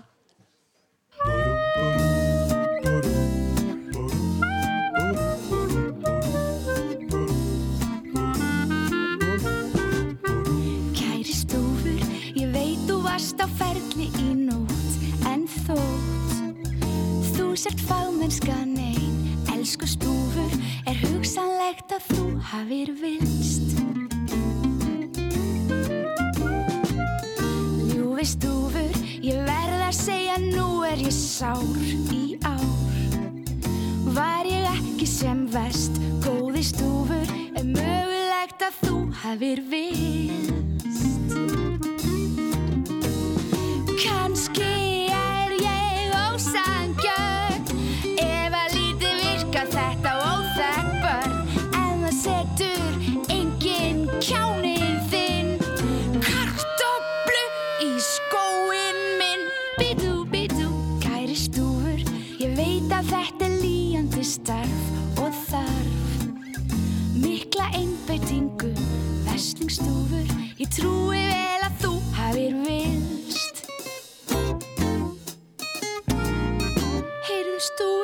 ég veit þú meintir alls ekki illt og vilt.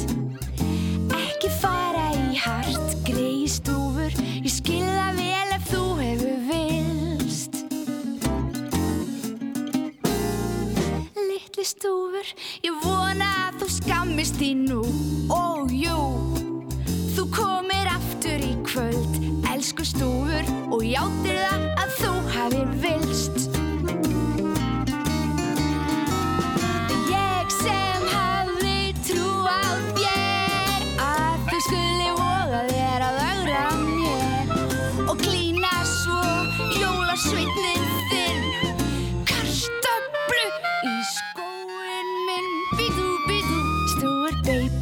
Að lokum vil ég minna þig á Ég sá þig og mömmu í gær. Ykkar vegna vona ég að þú hafir vilst Ég vona bara að þú hafir vilst Því annars gæti pappi minn trillst Það er svoleiðis kæri stúfur, heiða og félagar. Það er komnir fleiri góðir gestir. Eh, Húsið hér er að fyllast af góðu fólki. Það er óvægt að segja það. Ása Baldursdóttir frá Bíóparadís og Ólafur Örn Ólafsson, veitingamæður á Tíu Sopum. Jó, einmitt. Emitt, Góðan daginn. velkomin. Takk fyrir. Gott að fá okkur í, í kaffisopan. Takk fyrir að lefa mér að koma, segi ég nú bara Já, mitt frekar. bara, já. nei, þakka þér fyrir að, já, og þakka ykkur bara öllum. Já. Þú fórst beint í, í hérna, kakó með rjóma eða hvað? Nei, svissmokka. Það er svismokka. Af því að ég er ólétt, þá þarf ég aðeins að tóna niður, þú veist. Kaffi, kaffi magnið, sko. Ah, ok. Já. Já. En hvað segið þið? Þið eru nú svona miðborgar fólk sem liðið og hrærist hér í stemningunni í desember. Hvernig hefur þetta verið? Við byrjum með þér, Óli. Já, sko, já, já, ég er miðbæja rotta, sko. Ég er alveg upp í miðbænum, sko. Ég bara hérna, við næstu kvöldu við hliðina, er bjó ég sem úlingur á frakastíknum hennar. Ég hef nú sjaldan farið austu fyrir kringlumverbrut, þannig séð. En, sko, mér finnst stemmingin í miðbænum alveg frábær. Mér finnst hún alveg, sko, stórkostleg og mjög gaman að gaman að sjá hvað kemur mikið af fólki og þegar er búið að loksins taka bílana af sumum göttunum, hvað allt verður miklu, miklu betra og þægilega og, og skemmtilegra, mannlífið. En þú, Ása, hvernig hefur Bíópartís verið, hvernig kemur Bíópartís undan, undan vertíðinni? Það er bara al alveg brjálega að gera hjá okkur og við erum með svona vinsalar jólapartísýningar og fólk er svona svolítið að afstressa sig. Það er bara frábært dagskrá hjá okkur. Ég, er búinn að taka, ég er ekki búin að koma af því að Nei. maður er alltaf vinnandi á asnalegum tímum, sko. Veistu það, þetta er svo skrítið. Það er, hérna, það er svo gaman að bara fara og hitta fólk. Þú veist, við erum eiginlega bara svona eins og félagsmiðstöðin í miðbænum og hérna, við erum að sína svona ótrúlega margar skemmtilegar uh, evróskar, þú veist, myndir eða bara myndir sem að unni svona helstu kvikmyndaháttíðir heims sem að náttúrulega, það er okkar sérstæða en svo erum við líka bara með svona stemningssýningar og ég til dæmis fór um daginn þú veist bara á Love Actually. Ég ætla ekki að ég var svona pínu svona Hvernig æ, heldist hún? Herru, hún var bara geggjuð og það var svo Vá. gaman að vera í sal Er þú það veist, ekki? fullur sal fólki sem er bara, þú veist, það má allt þú ert bara, wú, skilur yfir öllu þú veist, og syngja með og hvað sem er og þetta er bara allt annað en að vera að horfa á þetta bara Ég heima hjá sér, nefnilega, sko, ég held að mann myndi finnast hún umulega, það er ekkert langt síðan ég sá hann aftur. Love Actually? Já. Ha? Ég held, er æ, þú veist, það eru svo marga myndir sem maður hefur séð sem hafa elst illa og maður, hérna, svona, þú veist, kannski skammast sín smá fyrir að... Flugvallaratriðin, ertu að grínast? Já, það er flott, sko. já, Já, þetta er, þetta er bara frábær mynd, sko. Já. Svo kom þetta Boris Johnson og eðlaðan að smá um daginn. Svolítið, já, heyrðu, einmitt, nota þarna senuna í Brexit. Já. Já, einmitt. En hvað gerist á þessum sýningum? Er, verður fólk sleppir að sér alveg? Já, og þetta, við erum búin að vera með þetta núna í nokkra ár, svona förstudags partysýningar og við höfum verið að hérna, byggja fólk um hugmyndir og það er allir alltaf að skrifa okkur sýni þetta og eitthvað. En hérna, ég til dæmis fór sjálf uh, á uh, sýningu í haust, Muriel's Wedding og ég bara, ok, ég sá hana bara þegar hún kom út, mann ekkert. Og vá hvað hún var eitthvað missefnið þessi kona og ég ætla bara að skella mér á þetta. Heri, þetta var bara geggjað. Ég, það var eins og ég var búin að fara í svona masterklassa í hláturjóka bara að Eftir vera, þetta? já, Já. Þetta Ég var man bara, bara, ég man bara, you're terrible Muriel, það er eins ég man. já, það er ógeðslega góð sena En hvað segir þú, Óli, hvernig hefur, hvernig hefur vertíðin verið? Hefur þú selt mikið af víni í desember? Já, ég er búin að selja tölvöld af víni. og- mikið fyllir í? og- Nei, það er ekki mikið fyllir í hjá okkur, sko. Við erum svo kultiveraður, hérna, fullónisbar. Fólk kann sig. Já, já. Við erum búin að selja alveg ógæslega mikið af, hérna, jólaglöggi. Já. Og svo var eitt sem að, hérna, hún að ragga mínum datt í hug, bara af því að honum fannst það svo fyndið, að það hefur ekki sést, hérna, Galliano Hotshot hefur ekki sést á börum í Reykjavík í að minnstu kosti 20 ára. Þannig að hann ákvað bara að við skildum hafa það væri jóla okkar. Þannig að við settum á skiltið úti, Galliano Hotshot, og það bara hrinur inn fólk í nostalgískum tilgangi að fá sér Galliano Hotshot, sko. En má ég spurja aðeins hver er hérna, eh, hver er uppskriftin að, að jólaglögginni ykkar? Því að nú er sko til dæmis þíski skólinn er bara daldi með rauðvín sem er kryddað. Já. Á meðan svo ertu með sko skandinaviska skólan sem er með allt fullt af rúsínum og einhver djús út í og jafnvel sterkir drikkir. Já. Hvað er, hvernig er, með er svona, þitt jólaglögg? já, það er svona svolítið bara bland af öllu sko. Það er hérna bæði rauðvín og krydd og rúsinur og möndlur og, og, og, og all bakinn sko. Mhm. Sætt aðeins upp og svona, þetta er náttúrulega sjálfsögðu háleinileg uppskrift sem við gefum ekki Ah. neinu. og sennilega líka vegna þess að hún er aldrei eins uh, sko frá batsi til bat sko. Það er bara, við Já. búum til 20 lítra og það er frábært og svo reynum við bara að ná því alveg í næst skipti sko. Já. já, Hve, Ása, því þú ert hérna frá Bíópartís og svona kvikmynda njörður, Já. er það ekki? Jú. Hva, hvað þarf góð jólamynd að innihalda? Sko jólamynd er eiginlega bara svona afsprengi Hollywood og þetta er eitthvað svona uh, eiginlega pínu hugsanavilla um að jólamynd þurfa að vera og gerast um jól. Finnst mér sko. En maður hugsaður þetta þannig, en þess að ég er svo akademiski í þessari nálgun að þetta, að það hálfa verið nóg. En ég get sagt ykkur það að mín uppáhalds jólamynd í ár er Bergmál eftir Rúnar Rúnarsson. Einmitt. Og þetta er mjög svona abstrakt mynd og mjög, uh, hún er eiginlega bara skot úr lífi þjóðar. Þetta eru svona litlar örsögur, ég, ve- þið verðið að sjá hana, ég veit ekki sé hana. Ó, þetta er svo stjórnmálmaður, þú svarar ekkert spurningu.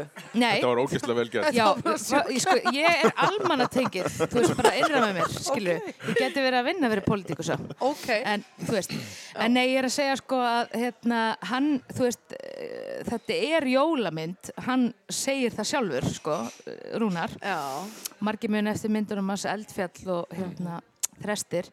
En mér finnst bara svo gaman að sé íslensku kvikmyndagjara maður sem gerir abstrakt jólamynd. Já. Þannig að það er jólamyndin sem ég Bæn. mæli með. En jú, jólin eru bara, skilur mismunandi eftir menningarheimum líka og Já. þessi vestrannu síðkapitalísku jól sem allir eru að missa sig eitthvað löðs eftir í kringlunni. Ég tengi ekkert við það sko.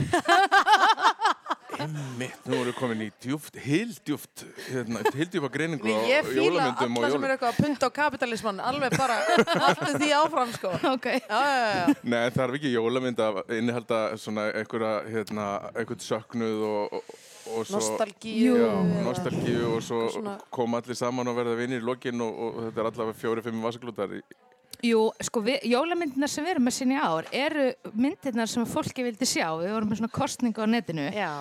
Og til dæmis erum við að sína Die Hard aftur uh, í kvöld, bara því að það er búið að vera uppselt á hana, uh, allar hinnar síningarnar.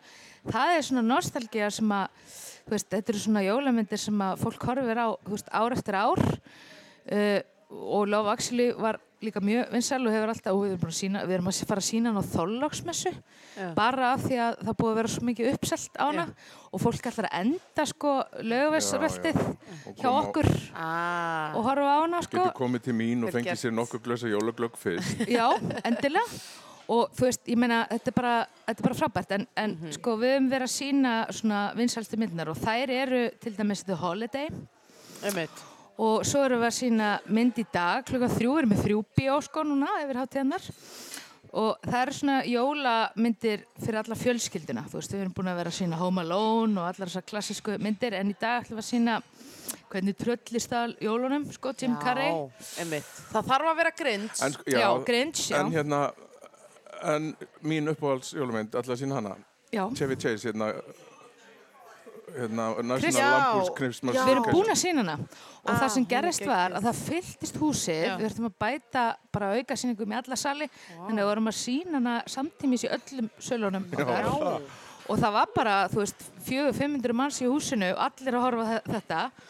Og ég reyndar fór ekki inn í salina því ég var bara svona fram að fylgjast með. En þetta var bara svo skrítið, þetta var allt að- sko, þetta var allt fólk sem að bara horfir alltaf á hana Já, fyrir svona jólin miðaldra fólk sem er búið að horfa á hana síðan 80 og eitthvað.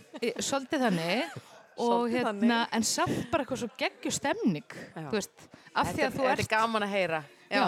Og Frábær mynd, stemning sko. er vantanlega líka leikilorð hjá, hjá þér sem veit ekki Já, gaman já, ég má nú, og stemmingin bara eins og ég var að segja, stemmingin í miðbænum er algjörlega frábær. Og Já. ógeðslega gaman að vera, er langt síðan ég hef verið bara svona eh, með að vinna í miðbænum í, í kringum jól og mér finnst þetta ógeðslega gaman. Það er svona, það koma hópar af fólki inn og skull í seinum galjan og hotshot og halda svo áfram að vesla jólakjöfuna.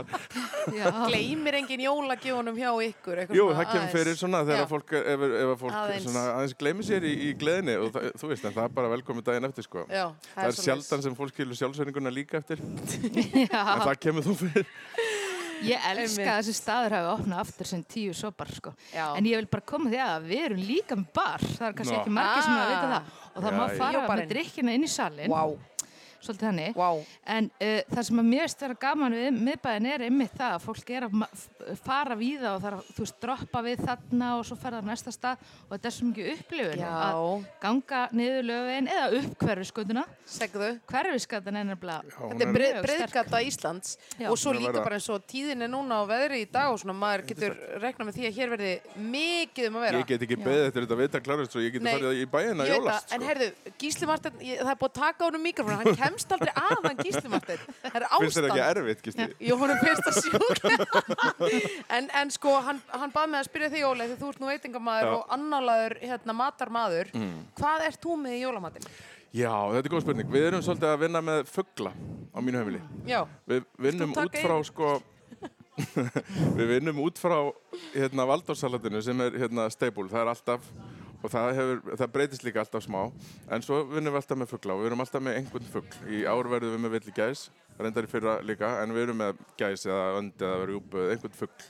Já. Það er hérna aðfangadagsmaturinn í okkur sko og svo erum við bara með hefbundi meðlæti heimalega rauðkál og Æði. sigurbrúna kartöflur og, og það, í ár verður ógæslega mikið að gremmiti vegna að ég er nýbúin að uppgöta að það er hægt að kaupa lífrænt gæja hérna austur á fjörðum sem að flytur inn gremmiti og maður kaupir bara kassa af einhverju sem að ég veit ekkit maður veit ekkit endilega fyrirfram hvað það er Nú. og þetta er algjör snilt Hvar, hvar fær þetta er maður ekki auðlýsing, ég er ekki í Nei, neinu samstæða við, við bönnum allt já, Ég, ok. fann, ég fann þetta bara á Facebook, Östurland held ég, Östurland Food Corp eða eitthvað svona og þetta er algjörlega stórkoslegt sko. Mm. Gísli er að Mystery komast box. að, hann kemst ekki að. Já. Herðu, og hérna, Ása, það er líka þannig að ykkur að þið eru með svona jólakort, er það ekki? Jú. Svona jólakort sem erum á sama tíma bíómiði. Já, þetta eru jólamerki með þar og þeir eru svo töff, sko.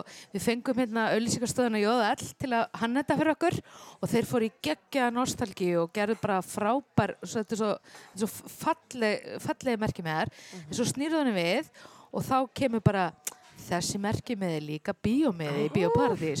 Snild. Þetta er snilt. Þannig að þú ert að kaupa eitthvað sem er líka gjöf og líka bara upplifun, þú veist, þá getur þú bara valið þér hvað þú vilt koma og sjá. Ef ég fengi svona í jólapakkan, þá væri ég bara að fara strax á Parasite, bara Bon Jo- John Who, þú veist, kóreska velunamyndin, en margir aðrir kannski bara beint á Love Actually, þú veist, eða eitthvað annað. Já, smekkur misjafn Eitthvað fyrir og, og um Já. smekkin deilum við ekki. Nei. Herðu, ótrúlega gaman að fá okkur Ása Baldursdóttir frá Bíópartís og Ólafur Örn Ólafsson, tíu sopar. Takk fyrir og gleðilega hattíð. Já, gleðileg jól. takk. Morgunkaffið með Gísla Martini og Björgu Magnús á laugardögum á Rást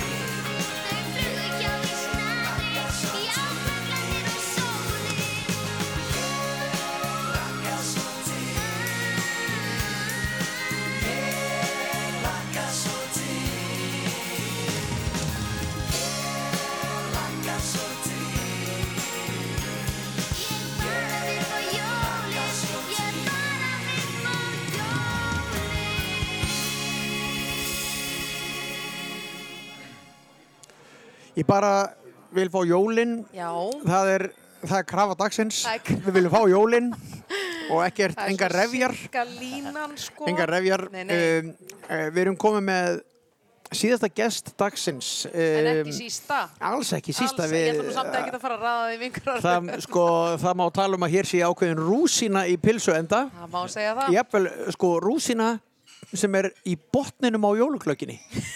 Sem er sko ekki bara í pilsuendanum heldur en sko búin að soga í sig rauðvinnið í glögginni. Eða þá þetta er bara skálinn af Rísalamanginu sem er með gjöfina. En þú sé að gesturinn er Teitur Magnússon, tónlistamæður, verður velkominn Teitur. hérna. Takk, heyrið í mig. Já, við Já, heyrum í þér. Uh, Bern, Berntsen, Ég hérna, tæknimaður. Nei, Nei, þú, þú munt ekki heyra neitt, en hlustendur Nei. heyra. Já, Ég bara takk, fyrir að heyra í mér og Já. Góðan daginn og velkomin. komin, sko. Það er Já. nefnilega mjög gaman að fá þig og um, þá byrja ég að spyrja, um, ert þú komin í jólaskap? Já, Já, já, já, já, ég er í blúsandi feeling, góð jólaskapi. Já, gott. Um, það er alltaf, ég myndi segja að það sé sko mismunandi ár hvert, maður er að mótast og þróast sko. Já. Maður komið tvö lítil börn og Já. En er samt uh, fullorðin fullorðin maður. Heru, nú ert þú, ert þú síðskeggjaður. Já. Ertu, er, er, ertu, ertu að bregða þér í hlutverk Jólasveins? Ertu að not, ertu að vinna með skeggið? Nógu mikið, Nei. en ég er að fá anskola komment frá jólasveinum. Ah, Þú veist, þeir eru mjög ánægði með mig. Sko. akkurat, akkurat. þetta lítur að vera margra ára söfnun. Já, þetta er ákveðin söfnunar árátta, sko.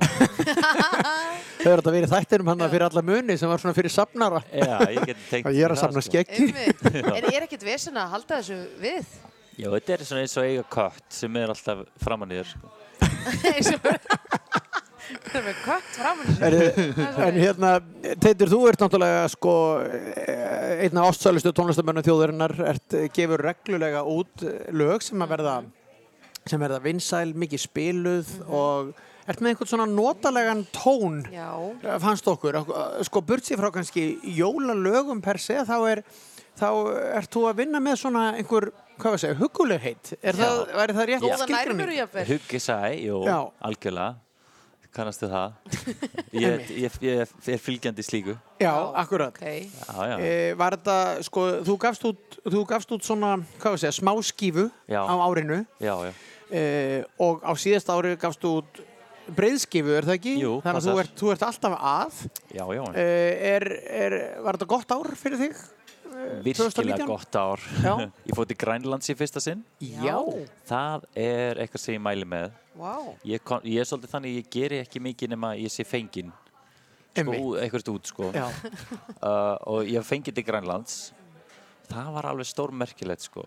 Til að spila, Til að spila eh, fyrir grænlendinga eða íslandinga? Já, grænlendinga. Þetta var í, í fyrði sem var nálagt núk. Já. Sko, þá siglir maður í svona bát og fer inn í, inn í núkfjörðin og þar í dal sem heitir Goggút, ég voni sér að segja þetta rétt, kókljóðið er rosalega djúft Einmitt. og þetta orð þýðir dalur, Já. þannig að þetta er, þetta er ekki flókið oft sko, en, en þarna er svona sumabústaðaland, en fólk keirir ekki mikið, það fer, fer á bátum, það er ekki mikið að vegum á milli og þarna er árleg hátíð sem heitir Goggút Festival og þarna Já. var ég bæði að spila mitt efni og svo var ég líka látin vera í viku með uh, stelpu sem heitir Telma og annar tónlistamæður svona eldri grænlenskur sem að var svona er- þeirra bjartmar það Já, var mjög já. gaman og við sömdu saman eitt lag og vorum að spila Og saman er lög Telma sérst grænlensk líka? hún er hálf íslensk, hún var hérna eitthvað ha- hálf grænlensk, hálf íslensk Já, já. og var hérna eitthvað tíman á, á byli í einhverjum, einhverjum sjónastætti og svona ég man ekki alveg X-faktor eða akkurat. eitthvað Einmitt. Já, Herðu, en sko við göpum þið til að grípa gítarinn með þér. Jáp, Uh, Göbbuðu og er aðeins kannski svona til þess að auka nú enn á, Ah. á svona stemninguna í okkur uh, ég spurði nú hvort að þú ættir einhver jólalög í þínum uh, þínum hérna, þínu vopnabúri Já, ég, ég ætla ekki að ljóstra upp um það enn sem komið. Þau eru ekki alveg nógu mótuð til þess að ég geti flutt þau. ah, ok En, uh, en það gæti verið von á einhverju Já, alltaf ekki bara. Verður maður ekki að taka þátt í þessu? eiginlega Finna einhvern vingil á þetta? það er ekki margir tónlistamæður í Íslandi sem að Já. hafa látið jólalögin algjörlega já.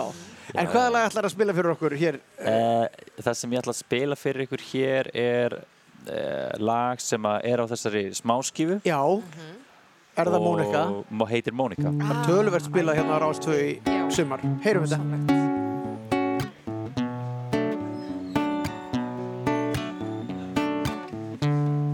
ba ba ba Bam, ba, ba, ba, ba, ba. Bam, ba, ba, ba, ba, ba. Bam, ba, ba, ba, ba, ba. Mónika hefur róm sem bræðir bláa jökla. Mónika með sinn eldvilja sem fær þig til að stökkva. Ekki skilja við mig núna meðan rokið skikur hús. Ertu búin að missa trúna? Drakk ég allt og mikið bús? Ba ba ba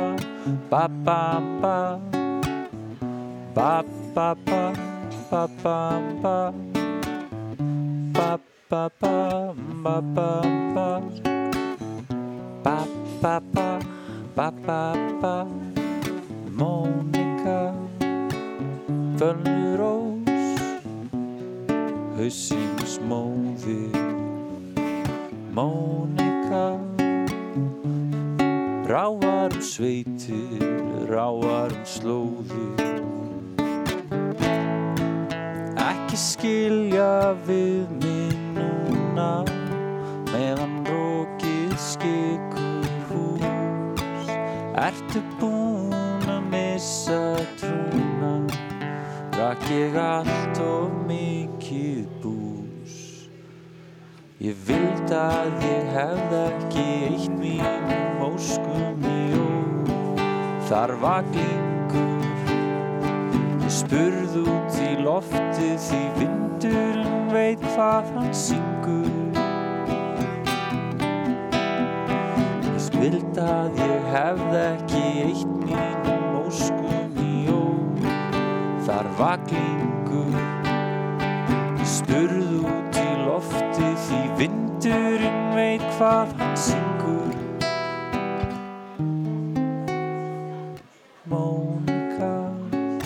Hefur róm sem bræðir bláa jökla Mónika með sín eldvilja sem fær þig til að stökkva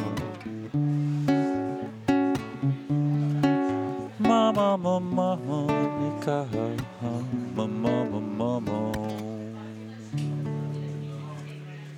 Bravo! Æði.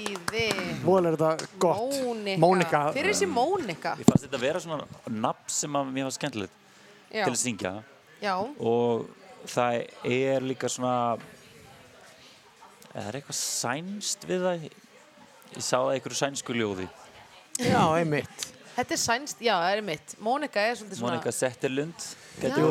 Mónika Lewinsky líka. Já, það er svona viljið. Mónika. klassísk Hún var, ég tók hann oft sko í svona hver er maðurinn Já, akkurat. ég veit ekki af hverju bara því að þá bara sko- er hún stjórnmálamæður Já, einmitt. komst þetta aldrei neitt sko. Einmitt, það er, það er aðeins, aðeins hérna, það er örugglega erfitt aðeins að finna það út. Við, í mínu vinnahópi þá skrifuðu við oft nafnið bara á ennið á fólki, Ah. veist, með varalitið einhverju. Já. Þú veist, frekar hann að vera með miða sem er alltaf að detta. Já. Já, já, Og bara skrifaður Já. Mónika Lewinsky á ennið. klassísk Já, þá ert þú orðin að fatta hver... Já, þetta er já, þannig. já, er ég kona? Nei. En nákvæmlega. Já. Ég, ég held að vera að meina svona hver er maður, en þá hugsa þú mannesku og Já. allir hinn er að giska. Já, Þetta eru bílaleikur. skólar, sko. Já, Ég, já. ég er nefnilega með eitt ógæslega gott í Ah. þessum leik, en ég ætla ekki að segja hver það er. Því að nei, þá er ég búin að gefa þig. eiga það inni já. Ah, það er sem að þú hugsar þér mann. Já, og þá er ég þig að giska Mm. og það er ein spurningamann og þú mátt spyrja eftir ef það er já. Akkurat. Já, já, Já, einmitt. Ok, gaman, gaman, gaman. Herðu, en hérna er, það er náttúrulega, það er auðvitað þekkt að tónlistamenn eru gjarnan uppteknasta fólkið, kannski fyrir utan rithöfunda, um þetta leiti. já, já. Uh, en, Já, já. en mér finnst þess að þú hefur uh, tekið þessi jól svolítið svona rólega, hvað þetta var þar? Já, ég, ég tók því rólega. Ég var hins vegar að ónáða rithöfundana. Ég held svona menningarkvöld fekk þá til að koma og lesa upp sko, í Dead Gallery Einmitt. hérna rétt hjá í Brynjuportinu Já. og ég, ég geri þetta árið þetta er sko fjórða árið í röð þar sem ég hef með svona menningakvöld á breiði mér svona í hlutverk uh, Hemma Gunn, Skástrík Egil Helgason að ég horfi mikið á kiljuna wow. mikið aðdándi kiljuna þannig ég er svolítið svona veit svona svolítið hvað stendur aftur á bókunum sko. Já. og, og svona En skemmtileg. já ég, hef, já, ég státa á því wow. bregðandi með menningafætunum og gerði það í Dead Gallery núna í ár Og býður þá rithöfundum til þín? já, Já. Það Ertu- er- Spjall. í svona spjall til lesa svo er svona lifandi spjallþáttur þegar þeir eru búin að lesa sko en þetta er að, tekið aðeins lengra en svona þetta hérna, upplestrar form Já. sem er út um allt þannig að Og akkur gerur þetta? Ertu Nice. svona mikil bóka áhuga maður? ég er mikill kilju áhuga maður Já. jú, Bara bóka áhuga maður, já, já, já, Já. já, ég er faktíst sko og, og svona líka bara að sko rithöfundar kunna koma fyrir sig orðinu og þeir eru oft svona kannski, það er erfitt að standa bara og tala oft þarf bara að spyrja ykkur á nokkra spurninga til þess að þetta fara á nýja vettvanga því að þeir eru oft kannski búin að segja það sama í, öllum hérna viðtölum Já. og þar sem þau koma fram þannig að það er oft gaman að, að hrista aðeins upp í því Þannig að sem spyrill þá reynir að koma með eitthvað svona aðeins óvænt. Já, já, já, Já. Þú hefur nú líka verið duglegur við að sækja í bókmyndaarfin. Ég meina, þú varst uh, að syngja ljóð eftir Bernhard Gröndal já. og fleiri, fleiri uh, ljóð og texta sem að ég hafði aldrei heyrt fyrir en ég heyrði þetta hjá þér og fór þá að kynna mér þetta og sá að þetta var stórmerkilegt en þú veit ekki endilega að taka svona þessa helstu smelli heldur eitthvað kannski sem hefur aðeins lullað í hægagangi. Ég er svona í lullinu, ég finn mér eitthvað sem er svona hægt að, að taka sem er ekki kannski búið að taka á mikið. Og, og svo svona tek ég oft stundum áskorunum sko. Ef ykkur kemur með eitthvað svona hérna er eitthvað sem að þærti aðeins að, að hérna að leifa njóta sín þá, þá gefið ég oft gaum sko. Já. og ég, eitt, eins og hérna við hliðin á Dead Gallery er, er maður að reyka bókakjallara svona uh, notaða bækur og slíkt. Já. og ég spurði hann ertu með eitthvað? Og hann rétt mér fór bóluhjálmar Já, Hann vildi fá bóluhjálmarinn, þannig núna er ég komin djúft í er bóluhjálmarinn. það já. Hann er rosalegur sko, hann er svo morbid. Emmitt, En, svakalega. en hann er komin einhvern tring sko. Menni, það er náttúrulega bara, eh, sko, auðvitað var hann frá bólu, ég er klára á því, en, Já, já. en þetta viðunemni, bólu hjálmar, Það er er náttúrulega, í dag væri þetta náttúrulega bara einhildismál. Já, já. Orfusar áallunin myndi ekki samþykja þetta, sko. En þetta er svolítið gott að vera með miðunefnið á undan.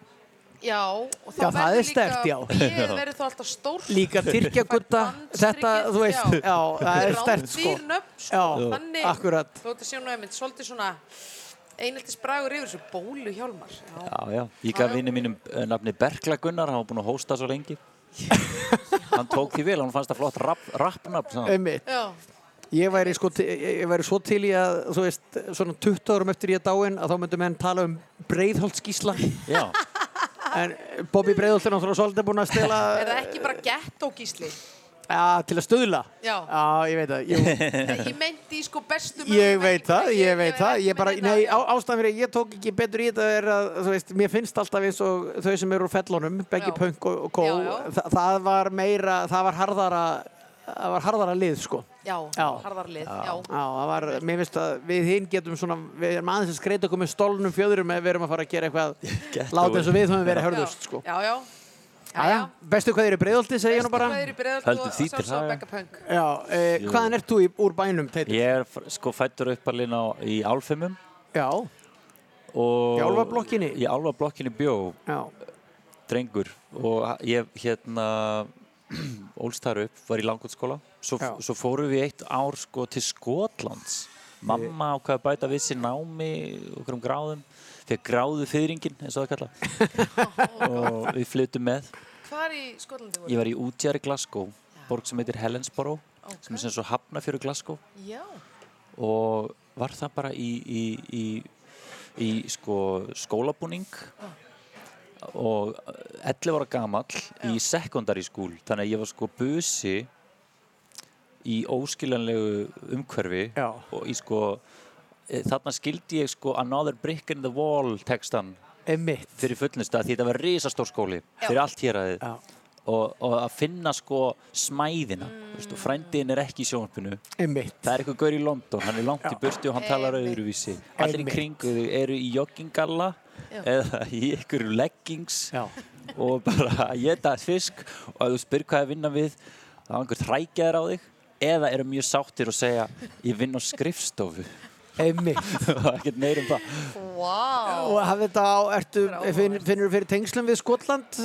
Já, Já. Þeir, þeir eru svona þeir eru uh, hressir sko. En, en, en ég fann líka bara svona þetta þe- og- sem við kannski maður hefur svona eitt gegnum tíðina átt að segja svona þetta að verða sjálfstæð þjóð hvað það hefur kannski mótandi áhrif eins og við erum sjálfstæð og við erum rosa ána með það meðan kannski einhverju sem er alltaf svona með eitthvað yfir sér eins og kannski Grænland eða skotar, þá er alltaf, það ert alltaf með einhver til að svolítið svona pöngast alltaf þeim að kenna svolítið og er það kannski en á sama tíma sko Já. það verður, það hefur rosalega áhrif á svona mentalitetið sko. Einmitt. Góð punktur. En við erum ná skild þessu liði sko. Já, ég einmitt skotar, mér finnst þetta svo ferlega skemmtileg þjóðan sem Já. þú segir. Vilja Og þeir eru- gjarnan vera í Já. Norðurlandaráði, held- eða sumir þeirra. Já. Já, já, horfa mjög mikið norður fyrir ekkar en eitthvað til englendinga finnst Já. þeir eiga meira sammeilegt með okkur. Og þeir eru næstir okkur held ég landfræðarlega fyrir utan Grænland svo við komum Já. til því sko. Næsta land sko. Minn í gamla daga þá var flugið til Köpen, það var millilend í Glasgow. Já það Bara þegar þú varst flugþjótt. Já, upp úr 1950. Gera stutt stopp í Glasgow. gott Veslunaferð til. Glasgow, það var klassíst Já. Verðu, fáum við, fáum við annað lag frá þér að lokum? Eitt loka lag, það var búið að byggja um jólalag Já, og ég er þú svona varst tilbúin í það en ekki þitt eigið. ég er eitthvað svona að spara það enn sem komið er Já, við bara við erum vel enn það að vinna í, í sko svona skötulögunum Í sköt, hvað sagður þú? uh, þú veist, Þorláksmessu Já, já. lög, það, það, það er svona óplæður akkur Rétt, rétt. en, en það er aðeins byrjað að plæja hann Já. þannig að sjáum hvað setur það er hérna býtum við, hvernig er þetta lag? Þetta lag heitir heitir Must Be Christmas. Já. eitthvað slíkt. Og er eftir hljónstuna The Band sem að margir kannast við. Hljómsveit- frábæra hljómsveit. Já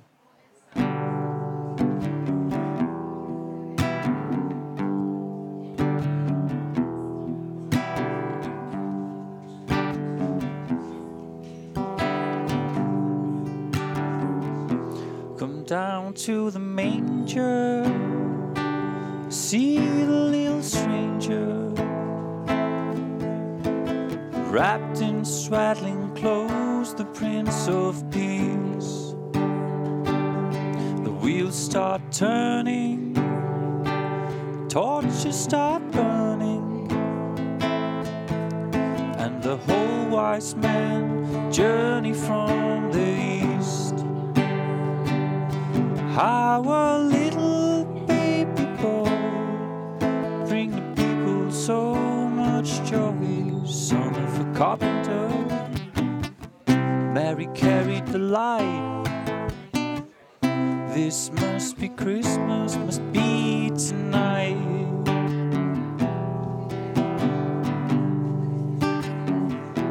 A shepherd on a hillside went over my flock I bide. On a cold winter night, a band of angels sing. Dream, I heard a voice say, Fear not, come rejoice. It's the end of the beginning, praise the newborn King. How a little baby boy bring people so much joy, son of a carpenter. Mary carried the light. This must be Christmas, must be here tonight.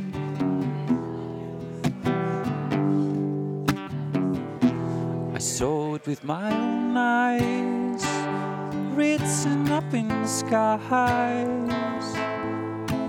Why a simple herdsman such as I? And then it came to pass, he was was born at last, right below the star that shines so high. Our little baby boy bring the people so much joy, son of a carpenter. Mary carried the light. This must be Christmas, must be tonight. A carpenter, Mary carried the light. This must be Christmas, must be tonight. Bravo. Takk fyrir að koma til okkar, Teitur. Takk fyrir. Takk Ertu með allt tilbúið fyrir jólinn? Jep. Ég, jep. Ekki, uh, já, já, já, ég veit að þú veist, ég er ekkert að stressa mig á þessu, sko. En ég er, ég er bara sáttur, sko. Já. Ég verð á Skaganum á jólunum, fyrsta sinn. Já. Á Skaganum. Akranesi? Já, Akranesi. Já. Það tengd upp. Já, Þannig að það verður eitthvað nýtt. Það er alltaf gaman að prófa eitthvað nýtt, sko. er. Já. Veistu, veistu hvað verður í matinn? Nei, ég læt koma mér óvart. Ert þú, ekki, þú ert ekki vegan eða með einar matartiktúrur sem að er- tengda fjölskyldan þarf að kvíða fyrir? Ég er sko alæta af, af náttúrufarsástæðan. Af? Náttúrufarsástæðan. Já, einmitt. Það er ekki eitthvað. Jú, ok, það er gott. Ég segi svona. Já. Ég er alæta. Ég er, eða, þú veist, ég er ekkit með neitt. Nei, nei, það er enga- ekkit vesen á þér. En fólk heldur oft í sig vegan. Já, einmitt. Sem ég er alveg, þú veist, ég er ekkit að móti því, ég borða það alveg líka, skiljur. Já. Já, já, já, já. Kottum með það bara. Ég veit það, sko. Ég fýla þetta, það er allt opið og teiti magn. Einn félagi minn borðar ekkit sem ljóstillífir. Já, heyrði. Ljóstillífar. Það er grjótart. En hérna, eh, takk fyrir að koma og Takk gleðilega fyrir það. hátíð. Takk fyrir að spila þessi fallegu lög fyrir okkur. Og, og við sjáumst heil á nýju ári. Já, já, endilega. Eh, eigum við að bregða á leik með uh, Purumönnum þar sem að er DJ Flugul og Gameskip sem hefur nú sungið með teiti. Hlustum á fyrir jól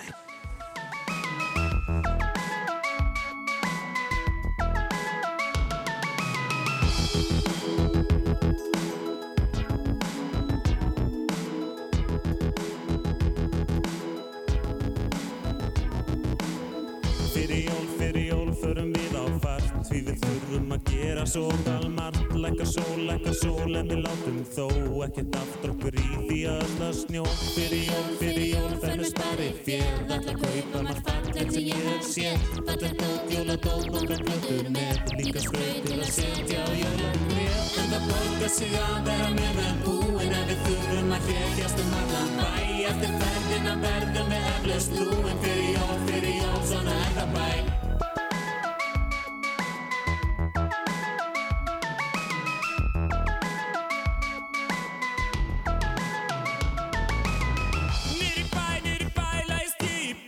Svolítið stund svo þú getur mig ekki spurt. Allt í lagi, allt í lagi því að þá ég fer Til að kaupa eitthvað dularfullt handa þér. Fyrir jól, fyrir jól, þeim er sparið þér. Ætla að kaupa margt fallegt sem ég hef séð. Fallegt dót, jóladót, nokkra plötur með. Líka skraut til að setja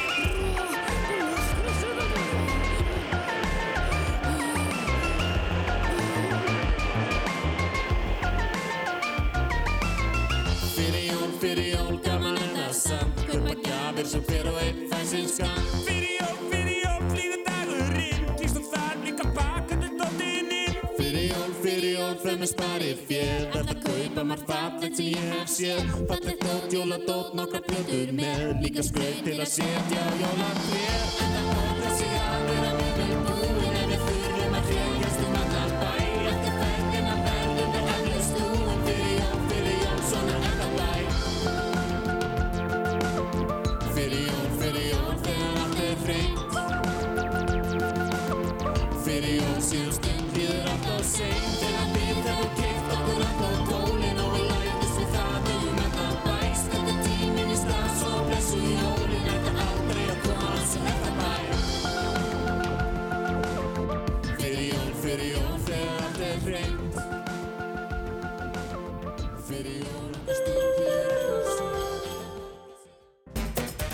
Morgun kaffið með Gísla Martini og Björgu Magnús. Alla lögadaga á Rástvö. Fyrst og fremst um helgar.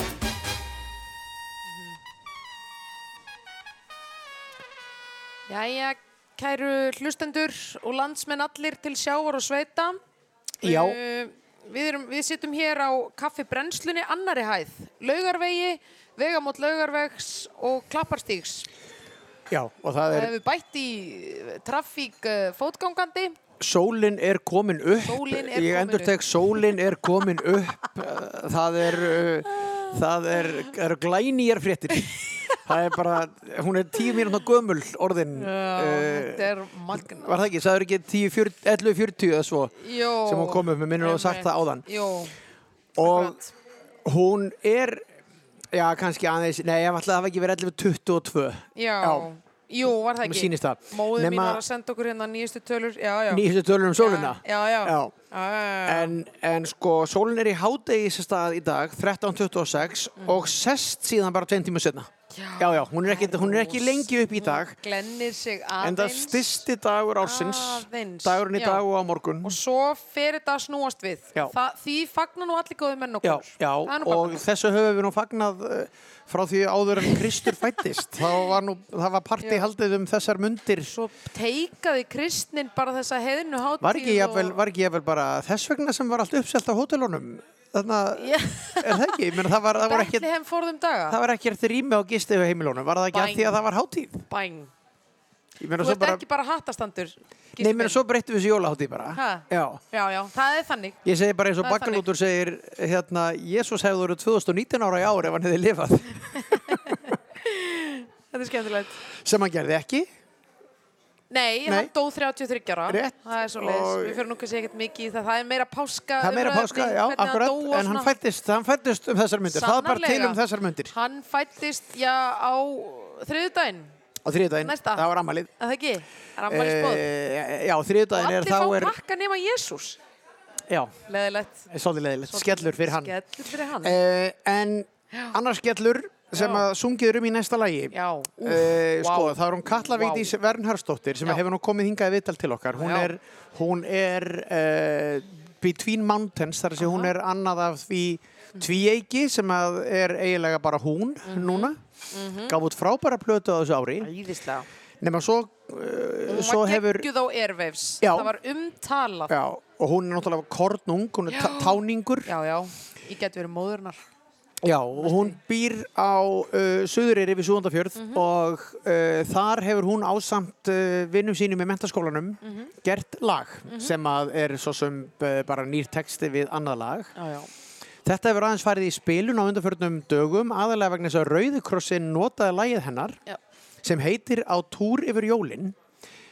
Rauðikrossin notaði þetta til þess að minna á að það er hægt að kaupa gjafir. Nákvæmlega. Uh, ef við viljum kaupa gjafir sem að hjálpa öðrum þá er til dæmis sko margnóta dömubundi sem að Rauðkrossin selur sem jólagjafir Já. sem eru þá sendar eða einhvern veginn komið Já. til kvenna Já. í Afríku eða uh, það er á öðrum sérstaklega að stöðum. tala um sko Malaví í þessu samengi þar sem að Já. blæðingar eru ennþá bara svo mikið feimnismála stúlkur sko hætta sér ekki út úr húsi þegar, þegar sá tími mánaðarins er. Akkúrat. Þú veist, Það er bara ofbeldi á göttunum og eitthvað sko. Einmitt. Þannig að, hérna, þannig að þetta er svona líka eh, sett í samengi við einhvern veginn ástandi út í heimi þá verður þetta einhvern veginn miklu stærra mál. Já. Þú veist. Og það sem að þegar Kalla gerir þetta í, í hálgerðu gríni en samt sem áður auðvitað til þess að, Já, já. Til þess að auka meðvitund Auðvitað. og þá he- skilst mér að Rauðkrossin hafa bara haft samband við hana og, og fengið að nota þetta lag. Já.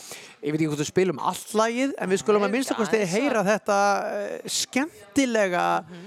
Nýja jólalag uh, sem heitir Á túr yfir jólin. Mhm. Gjör það svo vel.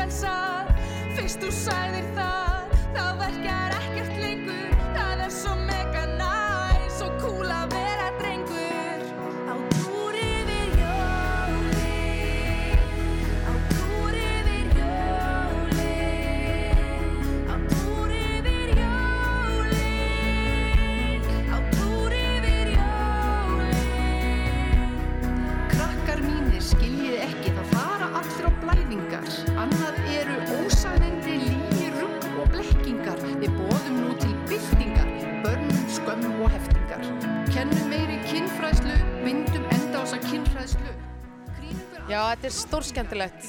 Þannig að ég held að komið einhver kennari Já, inn í hún er byrjuð að eða rappa, eitthvað. eða svona eitthvað, já. En sum sé að þetta er, þetta er skemmtilegt jólalag. Við kynnum þetta hér líklegt til vinsælda. Já, algjörlega, þetta kannast nú allar konur við. Þetta er, þetta er skrambi pirrandi að lenda á stórum dögum. Trúi því. Ha? Ég trúi því, Þú trúir Björg mín. því? Ég trúi, já. Ég, hins vegar, verða, ég, ég hef því miður ekki reynslu af þessum reynslu heimi hvenna. Þú ætla bara að viðurkenna það? Já. Já, nei, en, ekki er, persónulega. en þetta er, mér finnst allavega, mér finnst gaman þegar einhver svona, ég var að mynda að hugsa það sko, þau eru þannig krakkar í þessum skóla sem að leika með henni myndbandur, þau skulle fara inn á YouTube og skoða myndbandið. Algjörlega. Ótrúlega eh, skemmtilegt þegar að, já, þegar að hérna myndast einhver svona stemning. Já, Eh, og líka bara einmitt eins og þær að gera, bara tala um hlutina. Já. Þú veist, Já. vera ekkert að grafa þetta Nei, lengst ofan í einhverja, einhverja skömmi Þetta hefur verið kallað túrvæðingin. Já, já. Ég meina það er bara örstutt síðan að fóra að vera dömubindi og tappar inn á Nákvæmlega. almenningsklósettum. Þú veist það bara Já. hvort það gerist átta árunni 2019 eða 18 Ándjóks, og er ekki, ándjóks. er ekki allstaðar komið einu sinni. Nei, nákvæmlega. Sem á að vera jafn sjálfsagt að hafa klósettpapír. Bæng. Bæng. Bæng. E, gott fólk, það er að líða að lokum í morgunkaffinu en það er vel runnið inn í háttegið. Já. Eða svona. Já, já, klukkan er orðin þetta- þrjár mínútur yfir tólf. Já, þetta er bara næst síðasti þátturinn okkar á árinu. Já. Það þetta er alltaf að klárast hérna eins og Pétur Gunnarsson fór yfir. Já. Það er alltaf enda. Já, það er alltaf enda. Það er bara alltaf enda. Já, hvað sagðist hann ekki líka að hatast við nútíman? Jú, hann hatar núið. Svolítið gott. Gott að fínt að viðurkenna það. Já, sko Gísli, það varð ákveðin skandall í, í lokum eh, síðasta þáttar hjá okkur. Já. Við ætluðum að spila jólanegluna sjálfa. Já. All I Want For Christmas með okkar konu Marju Carrey. Já. Nú, við náðum bara að spila 20 sekundur að því. Já, og það var bara að- kvartað undan þessu á opinberum vettvangi. Twitter logaði, breyndúðnar bara, þú veist, fóru hratt yfir hafið. Þetta var skellur. Þetta var skellur. Eh, ég veit ekki hvort þetta næsta klárast Nei, núna. Við vonum það samt sem áður Vonum að, við náum viðlæginu. já, ætlum að enda á okkar konu sem er síðasta lag sem við spilum fyrir jól. Gleðilega hátíð. Gleðilega Takk hátíð, fyrir samfylgdina kæru í dag. hlustendur, Já. takk fyrir samfélgina, hafið það gott.